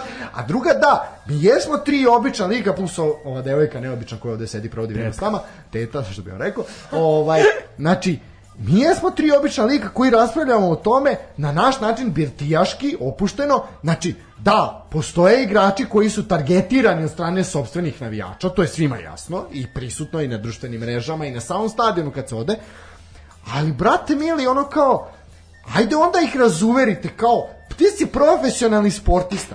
Znači, ako imaš 30 godina, ti se 25 godina realno baviš tim sportom. Svaki jebeni dan. Da jebote, pruži korak, razumeš, baci se, skoči na glavu, slomi ruku, nogu, Pojedi vrat. burek s mesom pre utakmice. Nešto da, ono, daj popi guaranu, jebot, mislim, nije sad reklama za guaranu, nebitno, daj malo nešto, pa, Burek s mesom ne treba reklama. Pa da, ono kao u fazonu jebote, po, popi Viagru, pičku materinu, ako ti treba, razumeš? Rastrči se, da. Pa nešto pokaže, razumeš, pa ih razuveri. Ovako... Ja bih hteo pre nego što vas dvojica nastavite sa daljom razradom izjava jednog i drugog trenera Pa da skrećemo se, na drugo, da se ovaj osvrnem i na navijače Možda, ajde. to. E, na stadionu Čukajičkog videli smo nije bilo domaćih navijača iako ih je bilo, bilo ih je u nekom malom broju Pa to je standard. Partizan je tu bio kao na svom domaćem terenu i ovo bih htio da prokomentarišemo svi zato što mi se činilo da je u prvom polovremenu kako je Partizan napadao i gde je stvarao neku dominaciju na terenu, opet kažem nije bila dominacija nego je više bila a, pokušaj da, da se ta a, situacija na kraju a, rezultira pogodkom a, došli smo u situaciju da je posle 45 minuta igrači su otišli do najvatrenijih pristalica do grobara gde su bili ispraćeni aplauzom i gde su bili pogurani da u drugom poluvremenu pruže maksimum i da postignu pogodak koji su svi dugo čekali. Ono što je usledilo nakon toga, odnosno nakon drugih 45 minuta, jeste ono što ne služi na čast ni jednom partizanu navijaču. A, povici sa tribina, a, to su bili stvarno, to su bila vređenja. A, I mislim, Su bila vređanja. Pa jesu bila vređenja, sad neću ja da, da, da, A da komentarišem način na koji su navijači Partizana vređali svoje ljubimce. Ali videlo se da nešto tu ne valja, navijači su došli u situaciju da revoltirano iskazuju bes i na konto uprave, na konto igrača, na konto trenera Partizana. Ali opet kažem, eh, Partizanom navijaču ne služi na čast da vređa svoje igrače. Pritom to oni nikad nisu radili, ali eto, nova vremena, pa i novi trendovi, prate se neke druge stvari. Opet gledam, uh, ti igrači trebaju za par dana da istrče na teren ponovo, gde ćeš ti ponovo da ih bodriš. 50.000 ljudi. Tako je. Kakvu im i ono tu podršku dajete i stvarno, eto, to ovo sam htio da iskomentarišem, zato što ovo nije prvi put da igrači dolaze do navijača, da spuštaju glave i da čekaju ono ribanje, znaš kao, ok, krivi smo, zastrali smo, kao shvatili smo i sami da smo zastrali, ali ne znam, Ja totalno, kažem- totalno ja dva, kažem, dva različita bi- lica da ti imaš je. kao podršku i opet ono na kraju naš ribanje da je ono Ali, aj, ljudi, isto je. Znači, totalno je nebitno. Ovaj rezultat ne utiče ni na šta. upravo to, znaš, zašto ne, ne utiče ni na šta Da su oni sad izgubili. Pa, kao, Pa nije, okej, ali, ali nije, ono- nije smak sveta. Stvarno nije smak sveta. Imate priliku za 7 dana, Pokažite, brate, i kraj. Pokažite E, upravo to. Sa, i... samo se inat traži, ništa drugo. Ma Te, pa da, Da, samo se to traži. apsolutno, slažem e, se. sad, uh, da. idemo na Sašu Ilića. E, idemo Njegović. Saša Ilić, ajde sad ovo smo iskomentali.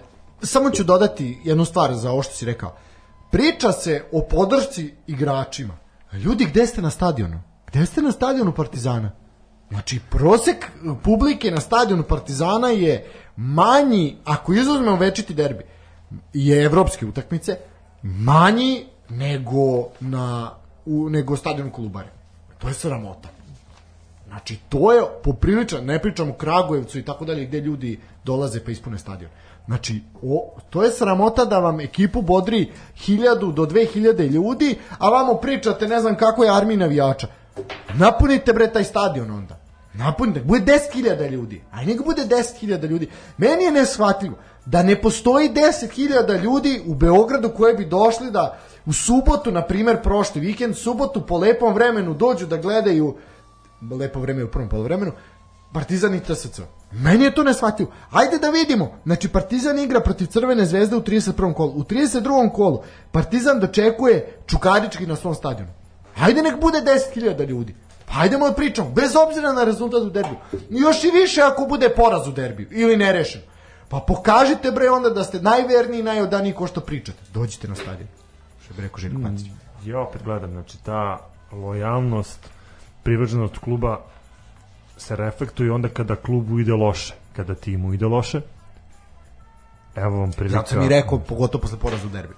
E, mislim, pričamo za Partizan, to može da bude sutra i za Crvenu zvezdu, za Vojvodinu, eto, navijači Vojvodine ratuju protiv svoje uprave. I šta time dobi, šta su time dobili? Ništa. Samo igrači ostavljaju bez podrške. Ajmo nizio Saša Ilića. Uh, u suštini, Saša Ilić, znaš kako, sinoć se pojavila ta izjava nakon meča i to nije odmah naišlo na takvu buru. Čak šta više, naišlo je na ono kao aplauz javnosti, gde je on, on rekao Partizan je zaslužio pobedu, bili smo ispod svog nivoa energetski, pogotovo u prvom polovremenu, osvojili smo bod uz veliku dozu sreće. Činjenica da faul Kovačića nad Rikardom trebao da bude sankcionisan crvenim kartonom, ali dobro. I svi su rekli, bravo Sale, svaka čast, e, iako su, čak e, crveno-beli deo javnosti je očekivao da će se Sašić skloniti, Sašić se nije sklonio, po, postojale su te neke e, čaršijske priče, broj broj čaršija, da će izvesti ovaj, mladince. o mladince, što čovjek nije uradio, čovjek izveo najjači mogući sastav, igrao u najjačem sastavu skoro 70 minuta, menjao taktički čoveka za Ne, čoveka. Čukarički nije mi je delovao disciplinovano. Stabilno, stabilno, ne, bez, bez razmišljenja.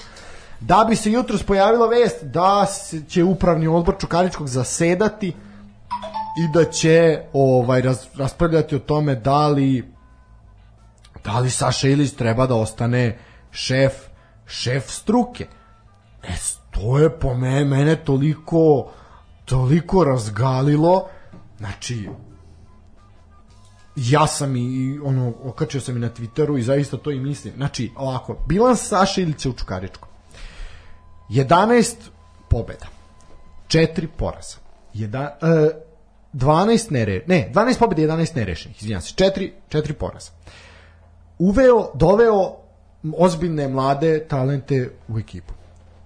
Pomoću svog imena i sistema koji Čukarički posjeduje uveo ih u prvu ekipu standardno. Oni koji su napustili ekipu, njihov odlazak se nije osetio jer su došli drugi igrači koji su Znači sistem je nastavio da se razvija i napredio ga. Čukarički stabilno na trećem mestu bez oscilacija. Ubedljivo su najstabilniji što se tiče forme, ne može ni dole ni gore zacementiran su. Znači siguran izlazak u Evropu. Što se Jedin- i traži od njih. Što se i traži od njih. Jedini može ta zamerka da bude taj kiks u kupu, ovo ostalo ništa. Znači, bez mrlje. I onda ti dođeš i takvog čoveka smeniš zbog takve izjave. Gde je razlog, kažu, navodi se kao razlog izjava posle meča. To je ova izjava koju sam pročitao. E sad ja želim da mi vi kažete da li vi mislite da je to opravdano ili neopravdano. Evo, prepuštam reč. Ajde, gospodari, pa ću onda ja. Pa, mi smo imali ovaj debatu ovu Slobodno, pre ponovo utakmice i moj odgovor, prvi inicijalni odgovor je bio da je da je zaslužio otkaz. Međutim, neka. Takve Ja- odluke, kako, takve ja, ja bi to da. razdvojio na dva dela. Ako gledamo taj e, njegov trenerski bilans, nema razloga za otkaz. Uradio ono što se očekivalo od Čukaričkog, e, mislim da je to to. Ako gledamo tu pristrasnost i tu navijačku opredeljenost i tu izjavu, tu možemo da vidimo da je direktno naštetio svom klubu koji predstavlja. Da li je? Da. Pa, Da li, ajde, da, zašto? Međutim, takva, e, takva odluka o otkazu što, Mislim bilo da kome, a ne mislim da šefu smešno. stručnog štaba, ne treba se donosi na prečac i pogotovo ne treba da je donosi neki Marko Lukić ili tako to. Neko sličan. Tako da, ovaj... Ni Uh, Vladimir Matijašević koji je veći pajac nego mi, mislim, ajde. pa sad, to je... To, to za vrlo dobro zna, to- Toza ga je u prvoj emisiji opljuvao da, kao tadašnjeg direktora. Pa ovaj, nakon malo ovaj, promišljanja, ovaj, Crtica dva piva pobijena. tako je, tako je, ovaj, mislim da, mislim da ovakva odluka stvarno i nije, nema neke logike. Mislim, čovjek jeste naštetio ugledu kluba na neki način, ukoliko neko želi to tako protumači, on će tako to i da protumači, jel te, to je opet subjektivno, da li je naštetio ugledu kluba, ali ne mogu da kažem da je on toliko, e, toliku štetu napravio da to zaslužuje otkaz. E, to je po meni, To, da. to je e, ono, u konačnici to je najbitniji, to, to se gleda. Šteta po ugled kluba, mislim o tome se ovde radi. Sad, ja stvarno ne vidim da, da ovaj, Okej, aj, da, poentirao si. E sad ovako, ajde ovako, znači ovako. poentirajte. Moje mišljenje, znači ja danas, ono kao, da, opra treba mu dati otkaz, on je hteo da izađe sa mladincima. Kako mi znamo bilo ko od nas da je on hteo da izađe sa mladincima? To, ni, to što je, vidi, to je rekao Vladimir Matijašić. Vladimir Matijašić da sutra kaže da sunce će svanuti, ja bi se dobro zapitao. Znači, to je prva stvar. Druga stvar, znači, to, ja mogu sa, znaš ti koji je to level, kako je to spinovanje? A to mi ide na reč u srpskom. Daj ovaj, ubacim 20 dinara. Ovaj, znači, kako je, to je ala Goran Vesić. Znači, to je sad ko kad bih ja došao i rekao, e, Tanja je htela da se ne spremi na, za emisiju, ali se ipak spremila i sad ćemo isključiti zbog toga. Da. Znači, to je taj level. Znači, on je hteo da izvede u mladince, a pazi, bogati, mi mu nismo dali. Znači, ja onda si trebao, ako je to stvarno istina, onda si otkaz trebao da mu daš odmah, da ga suspenduješ sa klupe, Tako marš, je, tako pa ćemo je, u ponedeljak apsolutno. raspravljati pa dobiti otkaz. Onda nije trebao da vodi, znači to su laži i gluposti, po I meni. pogotovo još da izvuče nerešen. Tako je. Čovjek ne da se, znači čovjek je uradio najpošteniju moguću stvar. Nije se sklonio, igrao je pošteno, a rekao je svoje mišljenje. Ako neko treba da ga kazni za komentarisanje suđenja, to je futbolski savez, zajednica superligaša, oni donose takve, takve sankcije. Klub može da ga kazni opomenom, jer je ovo prvi ispad takve prirode. Ali odmah mu uručiti instant otkaz. Ali čekaj, imao, Pogotovo što je prvi ispad, da. je li ima ona priča da nije hteo da ide da slavi pobedu sa E, svojim... odlično. Tako Tako je. pojavio, To je to. ali to je sad opet špekulacija. Mi sad to opet ne znamo. Isto kao i ovo za za te rezerviste da je hteo mladince da izvede. Znači pojavila se priča da nije hteo da ide da slavi, ali ti sad opet možda prvo čovjek ne voli noćni život, ne voli izlaske. Prva stvar. Porodičan čovjek ima Porodičan deteta. čovjek ima dvoje dece, jebi ga ženu. Možda je hteo da nedeljno veče provede sa njima, a ne u kafani. Možda, mislim mi to ne znamo, razumeš? Ne znamo šta je razlog zašto se čovjek nije pojavio. Možda je čovjek bio tužan zato što je Partizan otkinu boda, ali opet kažem, utakmica je rezultatski nevažna. Znači, samo poraz Partizana bi napravio problem. Ovo ne menja situaciju isto kod da je Partizan pobedio. Ništa. Za Čukarički je važna. Po meni oni s tim nerešenim ovo. rezultatom nisu se obrukali. Su- U tom, apsolutno. kon, u tom kontekstu zbog čega je on dobio... Pritom su imali dve otkaz- šanse za pogodak. Da. Treso prečko ovaj, tvoj prezimenjak. Mislim, u pravu si, apsolutno. Da. Znači, po meni ne vidim, ne vidim razlog. Uh, e sad, dolazimo, sad, znaš zašto je ovo problem sad? Sad kreću, mislim, vidi, javnost je debelo na strani Saša Ilića, znači ovo je jako negativno za uh, status Čukaričkog koji generalno ima dobru Jako ocenu i sliku u Da. javnosti, e sad ste ga drugovi ukaljali. Znači, definitivno. E sad, ajmo s druge strane. Ovo je sad problem, jer sad kreće, pošto i sami znamo da su navijači Partizana poprilično podeljeni na oni koji podržavaju Stanovića i oni koji ga ne podržavaju. Sada oni koji ga ne podržavaju. Znači, to je, kakav je to mentalno ludilo? E, šizofrena cepanja. Sad će oni podrivati da Partizan ne osvoji titulu, da bi Stanović dobio otkaz, da bi Sašelić preuzeo klub. Što je idiotizam svetske Staviti, klase. staviti Sašu Ilića ispred Partizana, mislim. E, tako je. Da li Bez on navijaju obzira. za Sašu Ilića ili za Partizan?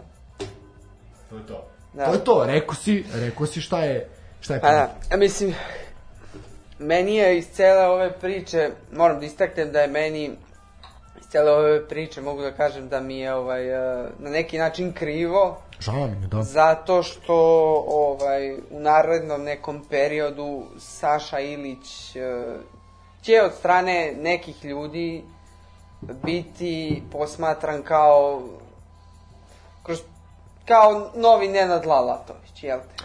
Kao neko ko, jel te, ima otvoreno klub za koji navija i nije mu problem da to, Da to javno kaže. da to javno kaže sa pozicije... Kakav cirkus u Kruševcu? Pa da li je ovo realno?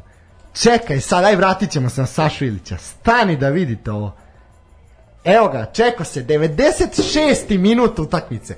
Napredak metalac 0-0. Metalac, metalac je momački bori, gledaj Stepanovo. Pogledaj sad, igra rukom, čovjek je sam sebe napucao u ruku, svira se slobodan udarac, pazi sad, 96. minuta, namešta se lopta, kakav cirkus u Kruševcu. A mora, mislim, zato i volim što pratimo ovo u uporedu, jer sam znao da će se oko nešto desiti. Lazar Lukić koriste u penu za brijanje, vožd je stigao. Saša Marjanović se zaleće. Sad mi ovo pratimo u real time-u. Ovaj, tu je i Mladenović, mada zna se da Mladenović neće šutirati. Evo ga, to je- 97. Pa to je to, ulazimo da je sedmi, znači već je prošla je nadoknada. Ne, ne, ali mora se izvede. Ok, naravno, mora se izvede, nema šta. Sudija Lazar Lukić namešta živi zid. Marjanović se zaleće, bum, kakav Gol! gol! Kako si predvideo?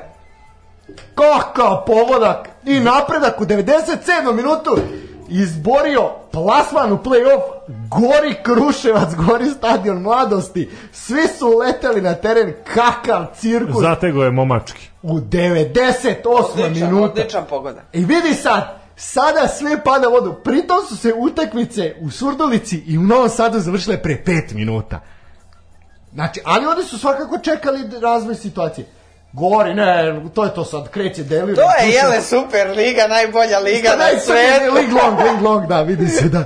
Da, Linglong, Ali pardon. zbog ovoga, da, zbog ovoga. Da, to je naj, najbolja Ali liga. samo hoću da vidiš kako je čovjek sam sebe napucao u ruku. Znači ovo je, evo, sad kreće, pa naravno kreće tuča, cirkus, gotovo, svira i kraj Lazare Lukić ode sve u majčinu. Kiza Milinković lete na teren, gotovo.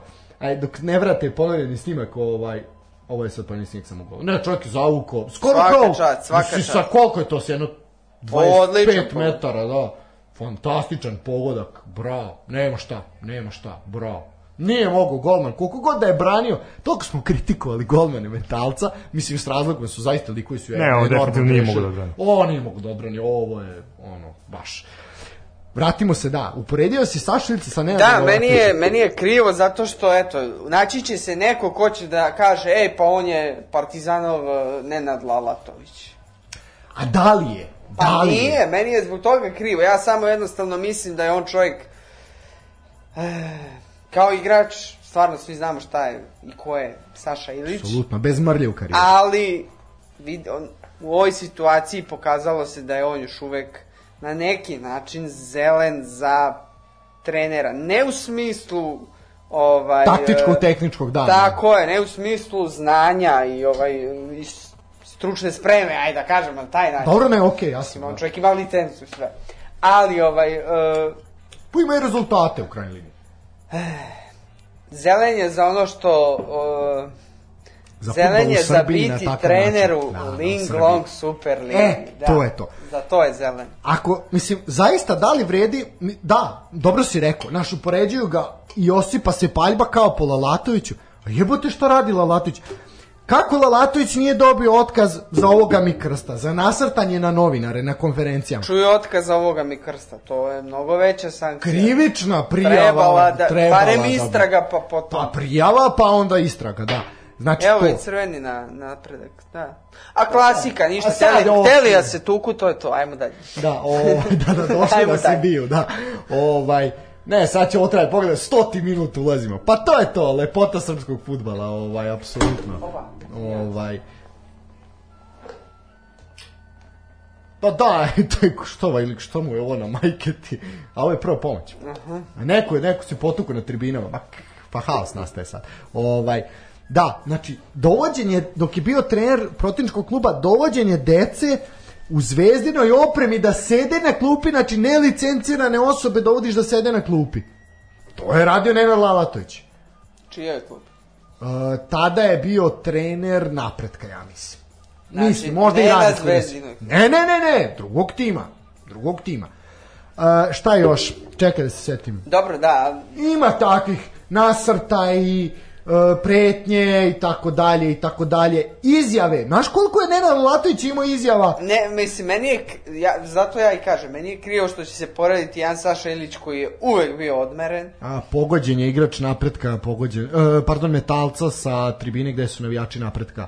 A evo, već scene koje, zbog kojih nam nije, nije drago i sad je Lukić besan jer jednostavno izgubio je i on konca. Ali ovo mislim da on nije ni mogao da, da ovaj negde, negde utiče. drži. Ne Ma, da, kontroliše je niko. sad, Ne može to niko Ovaj, kontroliše. ni da, zato ja ističem, meni je krivo zato što će se Saša Ilić porediti sa U tom Lalatom, kontekstu zato što je on da. uvek bio i, u- i, ovaj, i odmeren u izjavama i, i ovaj, na čemu su mu, jel te, i navijači zvezde odali priznanje. Tako je, tako je.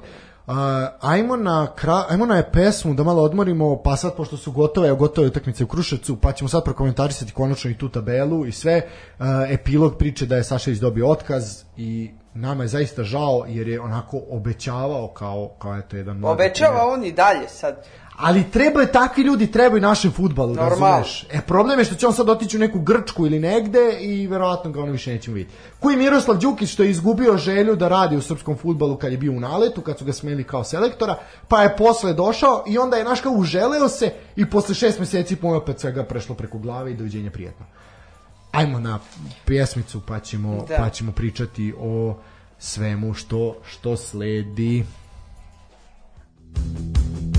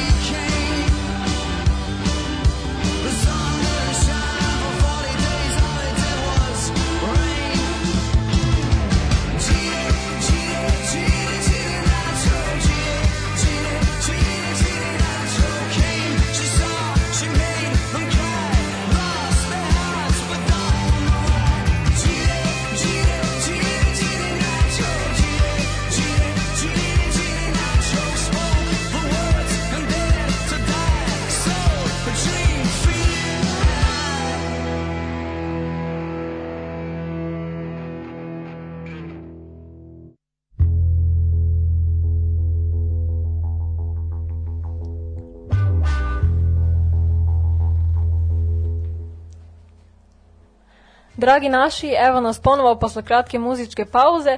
Nastavljamo tamo gdje smo stali. Sada je došlo na red da prokomentarišemo i tabelu nakon svih odigranih utakmica u Linglong Superligiji. A, da, ajde, znači samo kratko da kažemo da su se završile završile i ove tri utakmice koje su igrane u terminu od pola sedam. Napredak je kao što smo ispratili u direktno jel, ovaj programu u 97. minutu zatresao mrežu metalca koji se zaista branio, ali i nekoliko puta su spašavali živu glavu gde su pogađali prečku, vadili loptu za gol linije.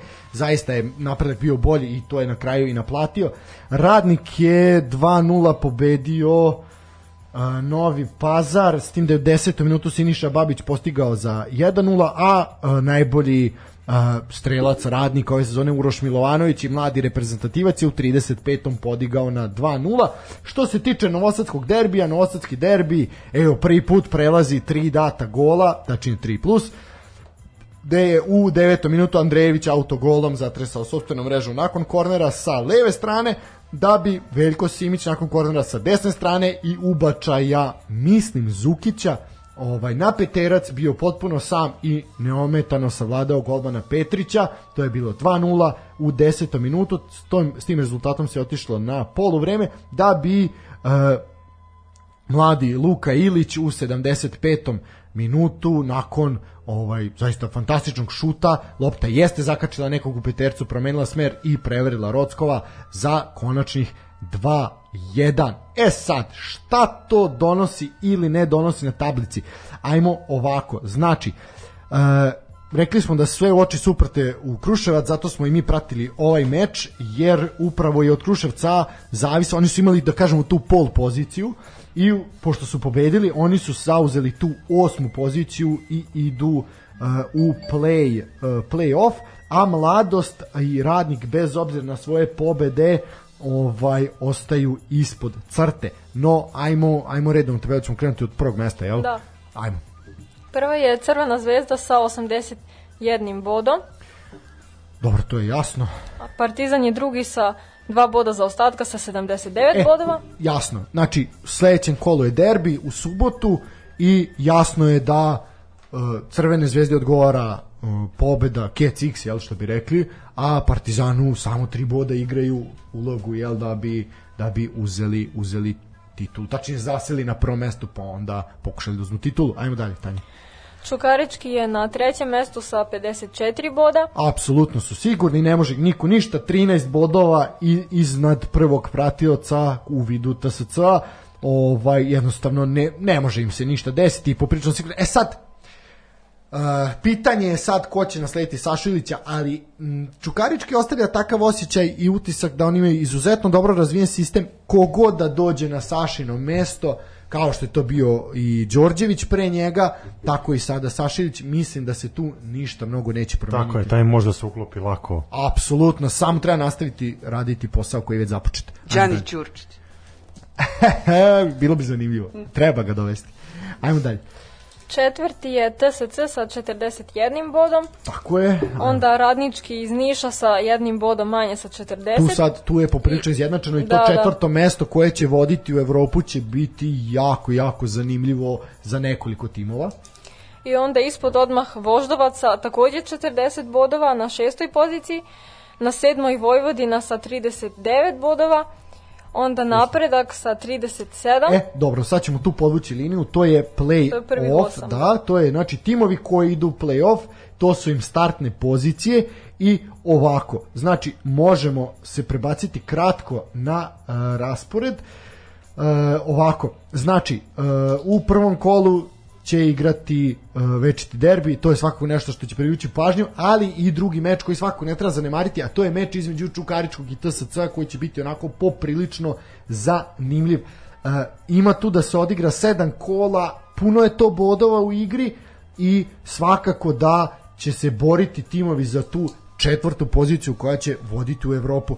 Ajmo na play out da vidimo ko je ipak završio ispod crte.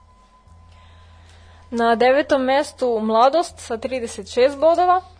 Radnik sa takođe 36 na desetom mestu, na 11. Spartak sa 34, Kolubara na 12. sa takođe 34, onda Radnički iz Kragujevca 13. sa 30, 14. Proleter sa 29, 15. Metalac sa 27 i 16. Novi Pazar sa 25 bodova.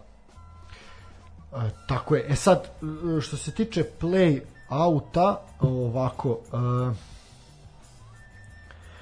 što se tiče play auta, znači, sad se tek pokazuje znači koliko je to sve bilo na blizu, znači bukvalno eto u posljednjem jedan minut je preokrenuo sve, mladost i radnik jesu zabeležili pobede u posljednjem kolu, ali sad im je došlo na naplatu te loše serije rezultata za mladost što se kasno uključila u tu borbu, radnik je ovaj onako poprilično imao oscilacije u igri i u rezultatima Spartaku je došlo takođe glave koliko serija od šest utakmica bez ono pobede Kolubara je tu gde je, radnički svakako već kreće, tu već kreće ono grčajita borba za opstanak i tu se pravi taj neki četvorougao između radničkog proletera metalca i novog pazara. E sad, Marko, ovaj, nakon što smo prošli u tabelu, ovaj, vidiš da su timovi na blizu, znači tu realno imaš znači gornji dom, to su Zvezda i Partizan i taj Čukarički koji je Pa sam da, za sebe. Mislim, neprirodno je da razlika između prvog na tabeli i četvrtog na tabeli je 40 bodova. Da, da. mislim,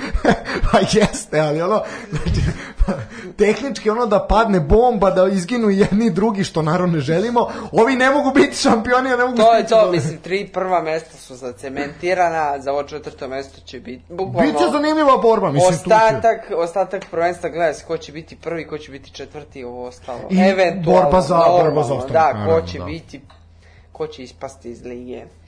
Ovaj, pa da.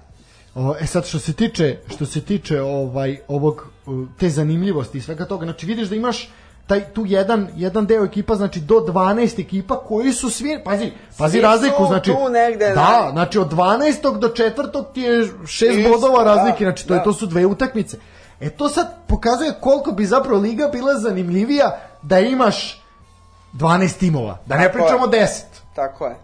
M- U našoj ligi je očigledno poslednjih par godina da ta razlika u kvalitetu je očigledna i ta razlika u kvalitetu između prve dve ekipe i ostalih ekipa će, pa ja mislim, trajaće uvek. Jel? To, to, je, ovaj, manje, to se manje više zna. Međutim, da bi cela liga, da kažemo, profitirala i napredovala, ja, ja sam tog stava da, da treba da se smanji. Sad, koliko to treba da se smanji, to ima ljudi koji bolje, bolje znaju od mene, ali olika razlika u kvalitetu, ovolik, ovoliki broj već unapred, kako da kažem, e, utakmica kod kojih se već unapred zna ko je Ishod, bolji, da. kvota je 1.15, 1.05, Mislim, ja nisam neko ko gleda futbol iz kladioničarskog ugla, Naravno, ali ali, jasno ovaj, šta hoćeš kažeš, ali je ovaj, jednostavno apsolutno. to, kroz takve utakmice se ne raste, ne rastu klubovi, ne rastu, e, ne rastu igrači, liga nije zanimljiva, ko, ko hoće da gleda tako nešto. Tako da, ovaj, ja mislim da bi dobro rešenje bilo ovaj, smanjiti broj klubova. I ovaj svakako i druga liga, to je prva srpska liga bi profitirala iz toga jer jel te bila bi zanimljivija. Mi, Bila bi mi evo vidimo kolika je izjednačenost Da. ovih, kako si rekao, četvrtog do kog mesta na Do tabeli, 12. do 12. mesta na tabeli, to su sve izjednačeni timovi. Tako da ovaj ja mislim da bi se ovaj da bi to bilo dobro rešenje za neki budući Tako je. period. A, E sad, pošto je jel sam raspored play-offa se nije znao, mi ćemo sad to malo ovako peške pokušati da napravimo. Ja tu imam instrukcije kako će to izgledati. A, ovako, znači, a, znači imamo već ti da bi samim tim ćemo sad prognozirati, jel to je onaj sastavni deo naše emisije, ovaj gde ćemo najaviti. Znamo da se večiti derbi igra u subotu od 18 časova. To je jedino što za sada znamo. A, raspored odigranja svih ostalih utakmica nemamo blage veze i to će se verovatno znati sutra. Stefane, da li možeš provjeriti možda zajednica Superliga, tačnije Superliga možda ima da nešto. Vidi dok mi dok ja ovo sad pokušavam da povežem ko igra s kim. Znači, prvo plasirana ekipa, u ovom slučaju Crvena zvezda, će u prvom meču na svom stadionu dočekati ekipu Partizana. Nema, nisu ništa bilo. Nisu, da. Pa da, to će tek biti vjerojatno sutra ili preko sutra. E sad ovako, mi imamo taj, tu opciju humanitarnog tiketa, gde ovaj mi zajedno sa našim drugarima koji ovde dođu prognoziramo rezultate, uplatimo taj tiket, ako pogodimo, ovaj to onda ode u humanitarne svrhe. Evo ako, uh, večiti derbi. Dragi moji, šta vi očekujete od večitog derbi? Ko će prvi od vas reći? Ja mogu samo kažem da je od 0 do 2 sigurno. Hoćeš tako da pišem? čekaj, čekaj, ajde da prvo Dobro, da... ajde. Ajde. Stefane. Ajde, pričamo o derbiju generalno sada, mada smo ga provlačili kroz cijelu emisiju. Znaš kako, ajde, evo, pričamo o derbiju, provlačili jesmo, ali sad došlo tih 5 minuta koje možemo da iskoristimo samo za derbi. Ono što možemo da sagledamo tu situaciju jeste da Crvena zvezda domaćin ovog susreta, da Crvena zvezda a, mi se čini da se trenutno nalazi u boljoj igračkoj formi u odnosu na Partizan. Partizan ima problem i pitanje je kako će taj problem da, da se reflektuje na sam derbi. A, ova utakmica je jako važna za Partizan, važna i za Crvenu zvezdu. Crvena zvezda bi definitivno pobedom u, u derbiju uzela titulu. Mislim da posle No, toga da. nema šta više da se priča, šampion bi ostao isti. Ako uzmemo situaciju da Partizan dobije, jer ipak a, to je jedna utakmica 90 minuta, svašta može se dešava, pritom derbi sam po sebi ponekad je znao da i ekipu koja nije u dobroj igračkoj formi, ekipu koja ima problem da pogura. Za derbi nije potrebna motivacija, jednostavno sama reč derbi je dovoljan pokazatelj da vi idete na tri boda. Znamo da se ništa drugo osim pobede i kod Zvezde i Partizana kad je u pitanju derbi ne računa. Tako da a, Zvezda ima taj luksus da može eto i da, da utakmicu odigra nerešeno. Ali opet kažem, a, sa pobedom na svom stadionu Crvena zvezda definitivno postaje šampion. To je jasno, jasno je, jasno je ovaj šta šta su E, šta sad- je ulog, šta je na talonu, Tako. je sad šta će pokazati, to ćemo vidjeti. Jest. Aleksandar Stanović je pričao proteklih par meseci, par nedelja. Konstantno se vodi neka borba protiv Partizana, konstantno je Da, neka loša priču, da. energija, nešto se gađa Partizan stalno. Ovo mu je najbolja prilika da sve te kritičare učutka. Ovo mu je prilika koja mu se ukazuje možda sad i ko zna kad. Ima 90 i koji minut pred sobom, pa pokaži. Tako je. Druga stvar, ono što je meni jako važno je to što eto imamo tu situaciju da su i Partizan i Zvezda bodovno slični. Zvezda ima opet prednost, to smo na- napomenuli, e, i ovaj derbi može da reši šampiona. Tako da e, svakako očekujem otvorenu igru, očekujem derbi pun žara, očekujem incidente i na ulici i na tribinama goreće, i pa na, mislim već na, ovaj, na terenu. kuva. 90 minuta pitanje je ko će voditi ko će biti glavni sudija spominje se Novak Simović kako će on to da odrežira kako će to da iskristališe kako će da, da vodi taj meč to ćemo da vidimo opet kažem neko meni je opet drago imamo derbi koji nosi veliki ulog a to nije bio slučaj u proteklih par susreta. Crvena zvezda može da uđe lagano, može da uđe rasterećeno. Partizan je taj koji juri rezultat, a, pitanje je Može, Zvezda može da čeka, realno može da čeka. tako Zvezda može da čeka. Ako gledamo individualni kvalitet, a, mislim definitivno da je on na strani Crvene zvezde, ali opet kažem, 90 minuta može svašta da se desi i 90 minuta koje mogu da izražiraju novog šampiona ili da jednostavno reflektuju novog uh, odnosno starog Dobro, šampiona. Ajde ti meni reći šta ćeš ti odigrati. Pa eto ja mislim da obzirom na sam važnost meča a, nema potrebe da se sad srlja u neki veliki broj golova tako da mislim da je od 0 do 2 realno za ovaj meč. Mare, tvoje viđenje derbija, šta možemo da očekujemo u derbiju? Kako ja vidim derbi? Kao što je ovaj, Stefan rekao, kroz celu sezonu provlači se ta priča od strane Aleksandra Stanojevića da mi se borimo e, protiv e, drugih ekipa, protiv Crvene zvezde, protiv sudija. Protiv nečeg abstraktnog. Tako je, mislim, bori se čovjek protiv duhova, šta, mislim. apsolutno se slažem da čovek, e, to što on priča ima neke istine u tome i mi smo svi toga svesni, ali ova utakmica koja je pred nama je odlična, to jest ne odlična, jedina prilika da Aleksandar Stanojević i njegova ekipa pokažu kako se oni bore protiv tih nasrtaja na regularnost lige i na njih kao tim. Tako da ovaj, e, ovo je odlična prilika da se, što kaže, poentira, Da. Da se pokaže da li se oni stvarno bore protiv svih tih Ili je to nasrtaja samo- ili je to eto jednostavno Samo izgovor. tako je. Opet gledam I- i, da. Dejana Stankovića, Dejan Stanković može lakše da pripremi ekipu. Naravno. Pa nema šta dolaze im na noge. Verujem da će stadion biti popunjen, Biće. da će se tražiti karta više. I eto, to je razlog zašto treba otići na stadion i Ili, utakmicu. ko što ćemo Mare i ja najvratno raditi seti kući gledati. Tako je, tako je. A, kaži mi šta bi ti odigrao u ovom situaciji? U ovoj situaciji, pa kao što sam rekao, od 0 do 2 to je zagarantovano. Sad ja mogu da navijački odigram 2, dvojku. Ali, mislim, ja se nadam tome, ali 0 do 2 to je, to, Najrealnije. to je sigurno. Sad, sad kad bude 3 Sinovi plus, moji. sad ovo je 3 plus garant. Ovaj... Četiri, četiri kraja. Mama 7 plus. Ovaj, ali eto, da zaključim, ovo je prilika Aleksandru Stanoviću da pokaže da se zaista bori protiv tih Sila, vetrenjača mraka.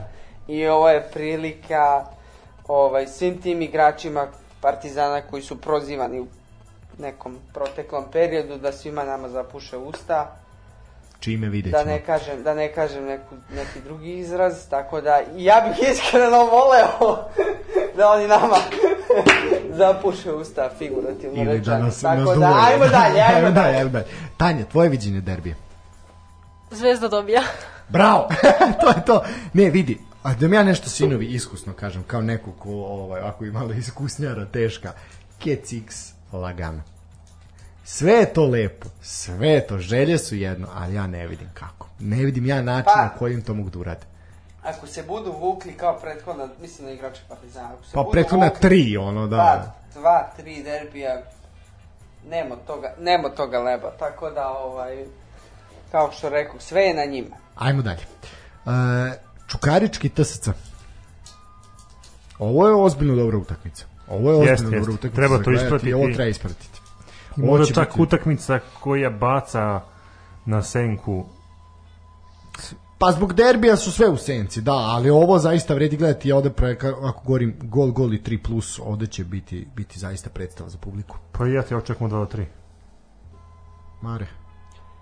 Uh, ovo tri. Pa da, to je, mislim, sigurica. Ovaj, obe ekipe dosta dobro igraju, mislim, Čukarički se, jel te, izdvojio, ali, mislim, svi znamo šta TSC počinje da predstavlja u poslednjih par godina. Ljudi stvarno imaju i, da kažemo, imaju projekat, Imaju, što je lepo videti. apsolutno. svaka im čast i ovaj očekujem jednu dobru utakmicu gol gol 3 plus i neka bolji pobedi što se kaže Dobro, e sad ovako, sledeća utakmica je radnički voždovac. Radnički niš voždovac.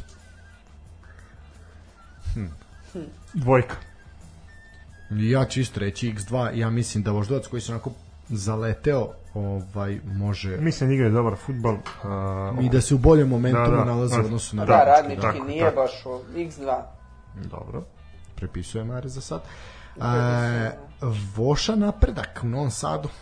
E e E, sad će ovde biti zanimljivo. Ovo će biti isto zanimljiva utakmica. Da, Hoće svakako, da. Uh, šta ovde odigrati? Pa s obzirom da i jedni i drugi pretendu, ja ovde go, hoće biti 3 plus, hoće biti golova, vidjet ćete. Otvara se, dostiže proleće, otvara se, otvaraju se golovi. Pazite šta sam vam rekao. Eto, ajde nek bude isto 3 plus. pa obe ekipe su ono da kažemo u uzletu Pa jesu, A, sad tako. pogotovo posle ovakvog naboja. za leto bože uzlet Pa dobro, da, da, okej.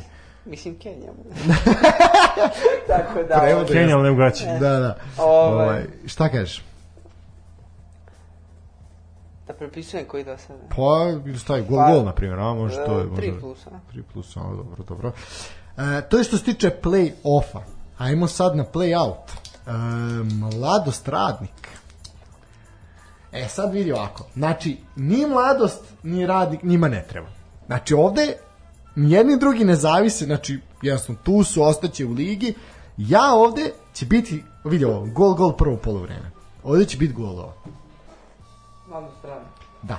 Znači, ni jednom i drugom timu ne treba, ovde će biti golova. Ja, eto mislim 0-2. A možda i bude mrzelo, a? Ne, vidit ćeš. Za kladionice. Misliš, a? Pa. Pa ajde onda, eto, prepisujem koji do sad. Ja nisam odigrao tiket, ne pamtim, tako da, eto, Ajde, prepisujem dobro, se sad. dobro. Pa dobro, u suštini to je to. Spartak Kolubara. Ponovo sad vidi. E, ovo, e, sad, ovo ću ja da odigram navijački kec, tako da. Znači, ali vidi, to je sad repriza ovoga što se malo Znam, predešava. znam, znam, znam, Znači- ali ovaj, eto, mislim, Spartak, iz više razloga gotivim Spartak, tako da eto kec. Dobro, ja ću staviti 3 plus, ovo će biti golova opet. Ja mislim ih dva. Da, da će vratiti sad bodove. Mm, dobro. E, radnički Kragujevac Proletar u Kragujevcu. Lalatović dočekuje Proletar i ovde ja stavljam Kec X kao vrata. Apsolutno, da. E, čisto Keca ću tebi staviti. Isto ke. Ne, ne, kec X, Kec kec X, X. dobro. Mislim, ali ono, da. No, nema šta. Jasno je tu sve. Nemam da. I Metalac Novi Pazar. Ovo je duel dve ekipe koje se nalaze u sličnoj situaciji i ovde će, ovo će goreti, ovo utakmica će biti ozbiljno dobra. Ovo, pogotovo na dobrom terenu kao što je Gornje Milanovcu, ovo će biti ozbiljno dobro, ovde će goreti zemlja, ovo treba gledati. Veruj mi. Ja mislim da treba gledati Novi utakmicu. Ovo, ovo treba, ovo treba gledati i ja ovde kažem će oba tima dati po jedan gol. Stefane, Kec. Mare. Nemam blage ideje. Nemam pojma, eto, bukvalno. Mislim, šta od dve poslednje ekipe? Šta da ide? Ali gore će, veruj mi, oni će se Ajde. tući međusobno. Ajde, ovaj, daj, daj 3 plus. balage. E sad, kažem, nema još uvek ovaj, rasporeda i večeras ga neće biti sigurno, ovaj, bit će ga u nekim narednim danima, verovatno koliko sutra. U suštini e, imamo toliko vremena da se možemo prebaciti na e, prvu ligu kratko da prokomentarišemo i onda ćemo privoditi neko naše druženje kraju. Što se tiče prve lige, tu je isto takmičenje završeno što se tiče ovaj, ovog regularnog dela. Pa, Stefane, šta imaš ti tu da nam kažeš? Imam da kažem da favoriti nisu ostvarili svoje zacrtane cilje, bar za ovo kolo. Da, Javor je tu kao kabel, ajde to je očekivano, Timok je tu kao Bačku, može se i to reći da je očekivano. E, mač veze ustavila mladost. Veliko iznenađenje, Stativa. pogotovo kad se zna da je Indija dan ranije kiksnula. Da, Indija je izgubila na svom terenu od železničara iz Pančeva 3-1, potpuno neočekivan rezultat. Ali zato je ovo srpski championship, ovde bukvalno svako tiče svako. Pa jeste. Pa jeste, Jeste, championship. jeste, jeste da. championship. E, imaš mi, brdo utakmica, em, svako tuče svakog, pa vidjet ćeš šta tabelu kad ti otvori. Uh, gra, IMT je dobio grafičar u gostima, to nije iznenađenje. Žarkovo i budućnost Dobanovci 1-1. Uh, Radnički Sremska Mitrovica je dobio Čajetinu 1-0, to nije iznenađenje. Rad je dobio Loznicu, to je onako bila jedna zanimljiva utakmica, može čak i derbi kola recimo, jedna od zanimljivih. Uh, e sad, što se tiče tabele prve lige, to E, to je baš zanimljivo. Sad ovako, znači tu imamo već ovaj play-off i play-out, pa pročitat ćemo onda play-off. Ekipe su se podelile, mada mogli smo da pretpostavimo ko će biti u, u play-off. Znalo u se delimično, da. Mada su bilo je tu ekipa koje su bili na klackalici. Pa evo, na primjer, uh, meni iznenađenje Loznica, koja je završila kao osma i otišla u play-off. Pa dobro, Mačva je, zapravo je Mačva jedina bila ta koja je mogla u tom poslednjem kolu da je ostvarila pobedu, mogla je da se nađe iznad, iznad te crte, ali dobro, šta je tu je. E, Sve o svemu Indija je prva sa 58, druga je Mladost iz Novog Sada sa 57, treći je Javor sa 56, eto svi su na bod, što je onako poprično zanimljivo, Železničar s Pančeva je tu negde prati ih iz prikrajka sa 52, IMT 49, Sremska Mitrovica 46, radnički u pitanju, Žarkovo 42, Loznica 41. Biće ovde zanimljivo, ovde se isto igra sedam kola, to je velik broj bodova, svi mogu sa svakim. Imamo Biće već derbi prvo kolo. Odmah da, Indija dočekuje mladost. Tako je. To je isto, isto To poprilično. treba gledati. Treba, da. Pa vidi, biće tu, biće zanimljivo. Što se tiče e, Lige za bedaka, ovaj, to je izgleda ovako. Mačva je deveta sa 39, Grafičar sa 35, Rad takođe sa 35, Budućnost Dobanovci takođe 35. Ispadaju četiri ekipe. E sada, trenutno ispod crte su Čajetina sa 34, Timok sa 33, Bačka sa 33 i Kabel koji je odavno ispod koji ima samo 9 bodova. Znači vidi, pazi, a realno ti sad, ajde osim Mače koja onako ima blagu prednost, ali i ona se bori za optanak, sve ove ostale ekipe se debelo u problemu. To je bod razlike. A ispadaju Biće, četiri. biće krljanja, Biće svega, biće, ovo treba pratiti, biće zaista, zaista zanimljivo. ali eto, ja mogu da dam neko svoje slobodno viđenje. Mislim da Kabel se definitivno pomirio, imaju e, gola razliku 12-71. Oni su definitivno tim koji se seli u niži rang. A, mislim da će ih ispratiti Bačka, Zlatibor i verovatno budućnost Dobanovci. Mislim da će Timok napraviti iznenađenje, pogotovo što znamo da igraju jako dobro u drugom delu sezone. Promenili su trenera, takođe u direktnom okršaju između Timoka i Bačke ovaj vikend uh, Timok je odnao pobedu. Tako da Timok se nalazi stvarno u jednoj dobroj rezultatskoj seriji, ali opet ne mora to ništa da znači ovo prvenstvo je neizvesno kako za ekipe koje se nalaze u play-offu, tako i za one koje se nalaze u play-outu.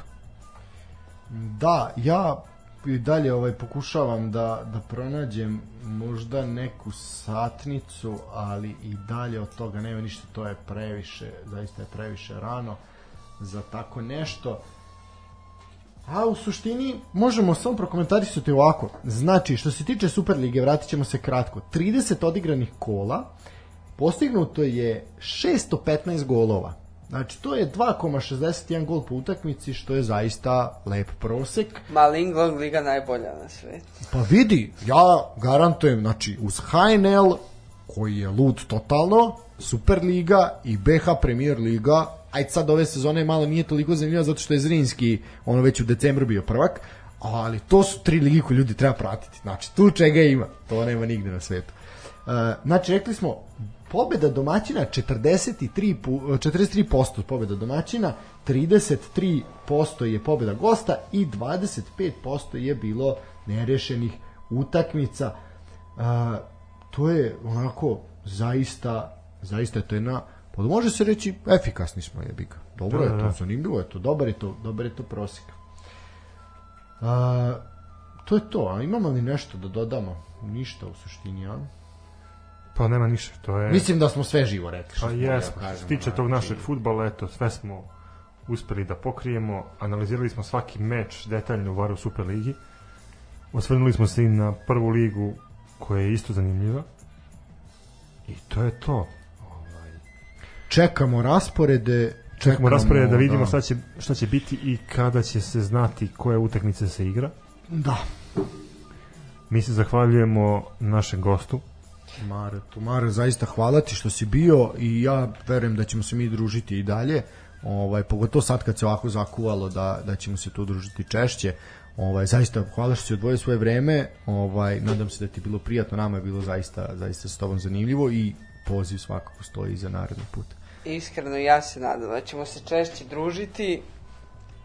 Bilo je dobro iskustvo i nadam se da ću ga ponoviti uskoro. Bio i... si dobar, je bio, bio si Da. dobar, ti priznati. Ka, kako sam očekivao, odlično je bilo.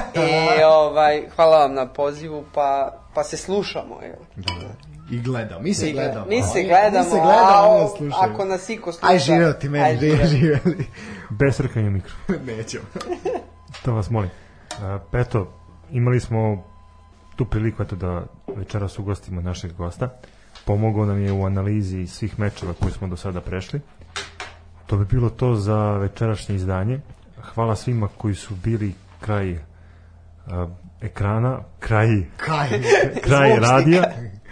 Zato Dobro, što, tehnički ekrana, Kraj- mi se slušamo Za- preko ekrana. Tako ja, je, da. zato sam se tako izrazio. Eto, ja ću se sad ovaj, odjaviti i prepustiti Tanji da Tanja najavila, Tanja odjavila. tako je. Od mene da završi, isto. završi emisiju i nadam se da će to ono raditi najbolje što može. E, da, samo pre nego što čestitam mojim momcima iz Futoga pobedu u zadnjoj sekundi u derbiju zaista, derbi druge, druge Vojvođanske lige, gazimo ka prvoj ligi, Futožani borit ćemo se i bi, zaista je bio spektakl u onako poprilično popunjenoj hali u Futogu, zaista spektakl, ljudi iz Novog Sada i okoline, dođite da gledate rukomet ko voli u Futogu, zaista momci igraju jako, jako lepo, ono jedan hit and run rukomet i jako je zanimljivo, dobri su, treba podržati pravu priču, od mene toliko, Tanja, izvoli. Dobro, onda da i ja kažem svoje, pa da se razilazimo, jel? Hvala svima što su izdvojili vreme i večeras da nas slušaju. Toliko od nas za večeras. Želim svima prijatan ostatak večeri i do našeg sledećeg slušanja. Sportski pozdrav svima!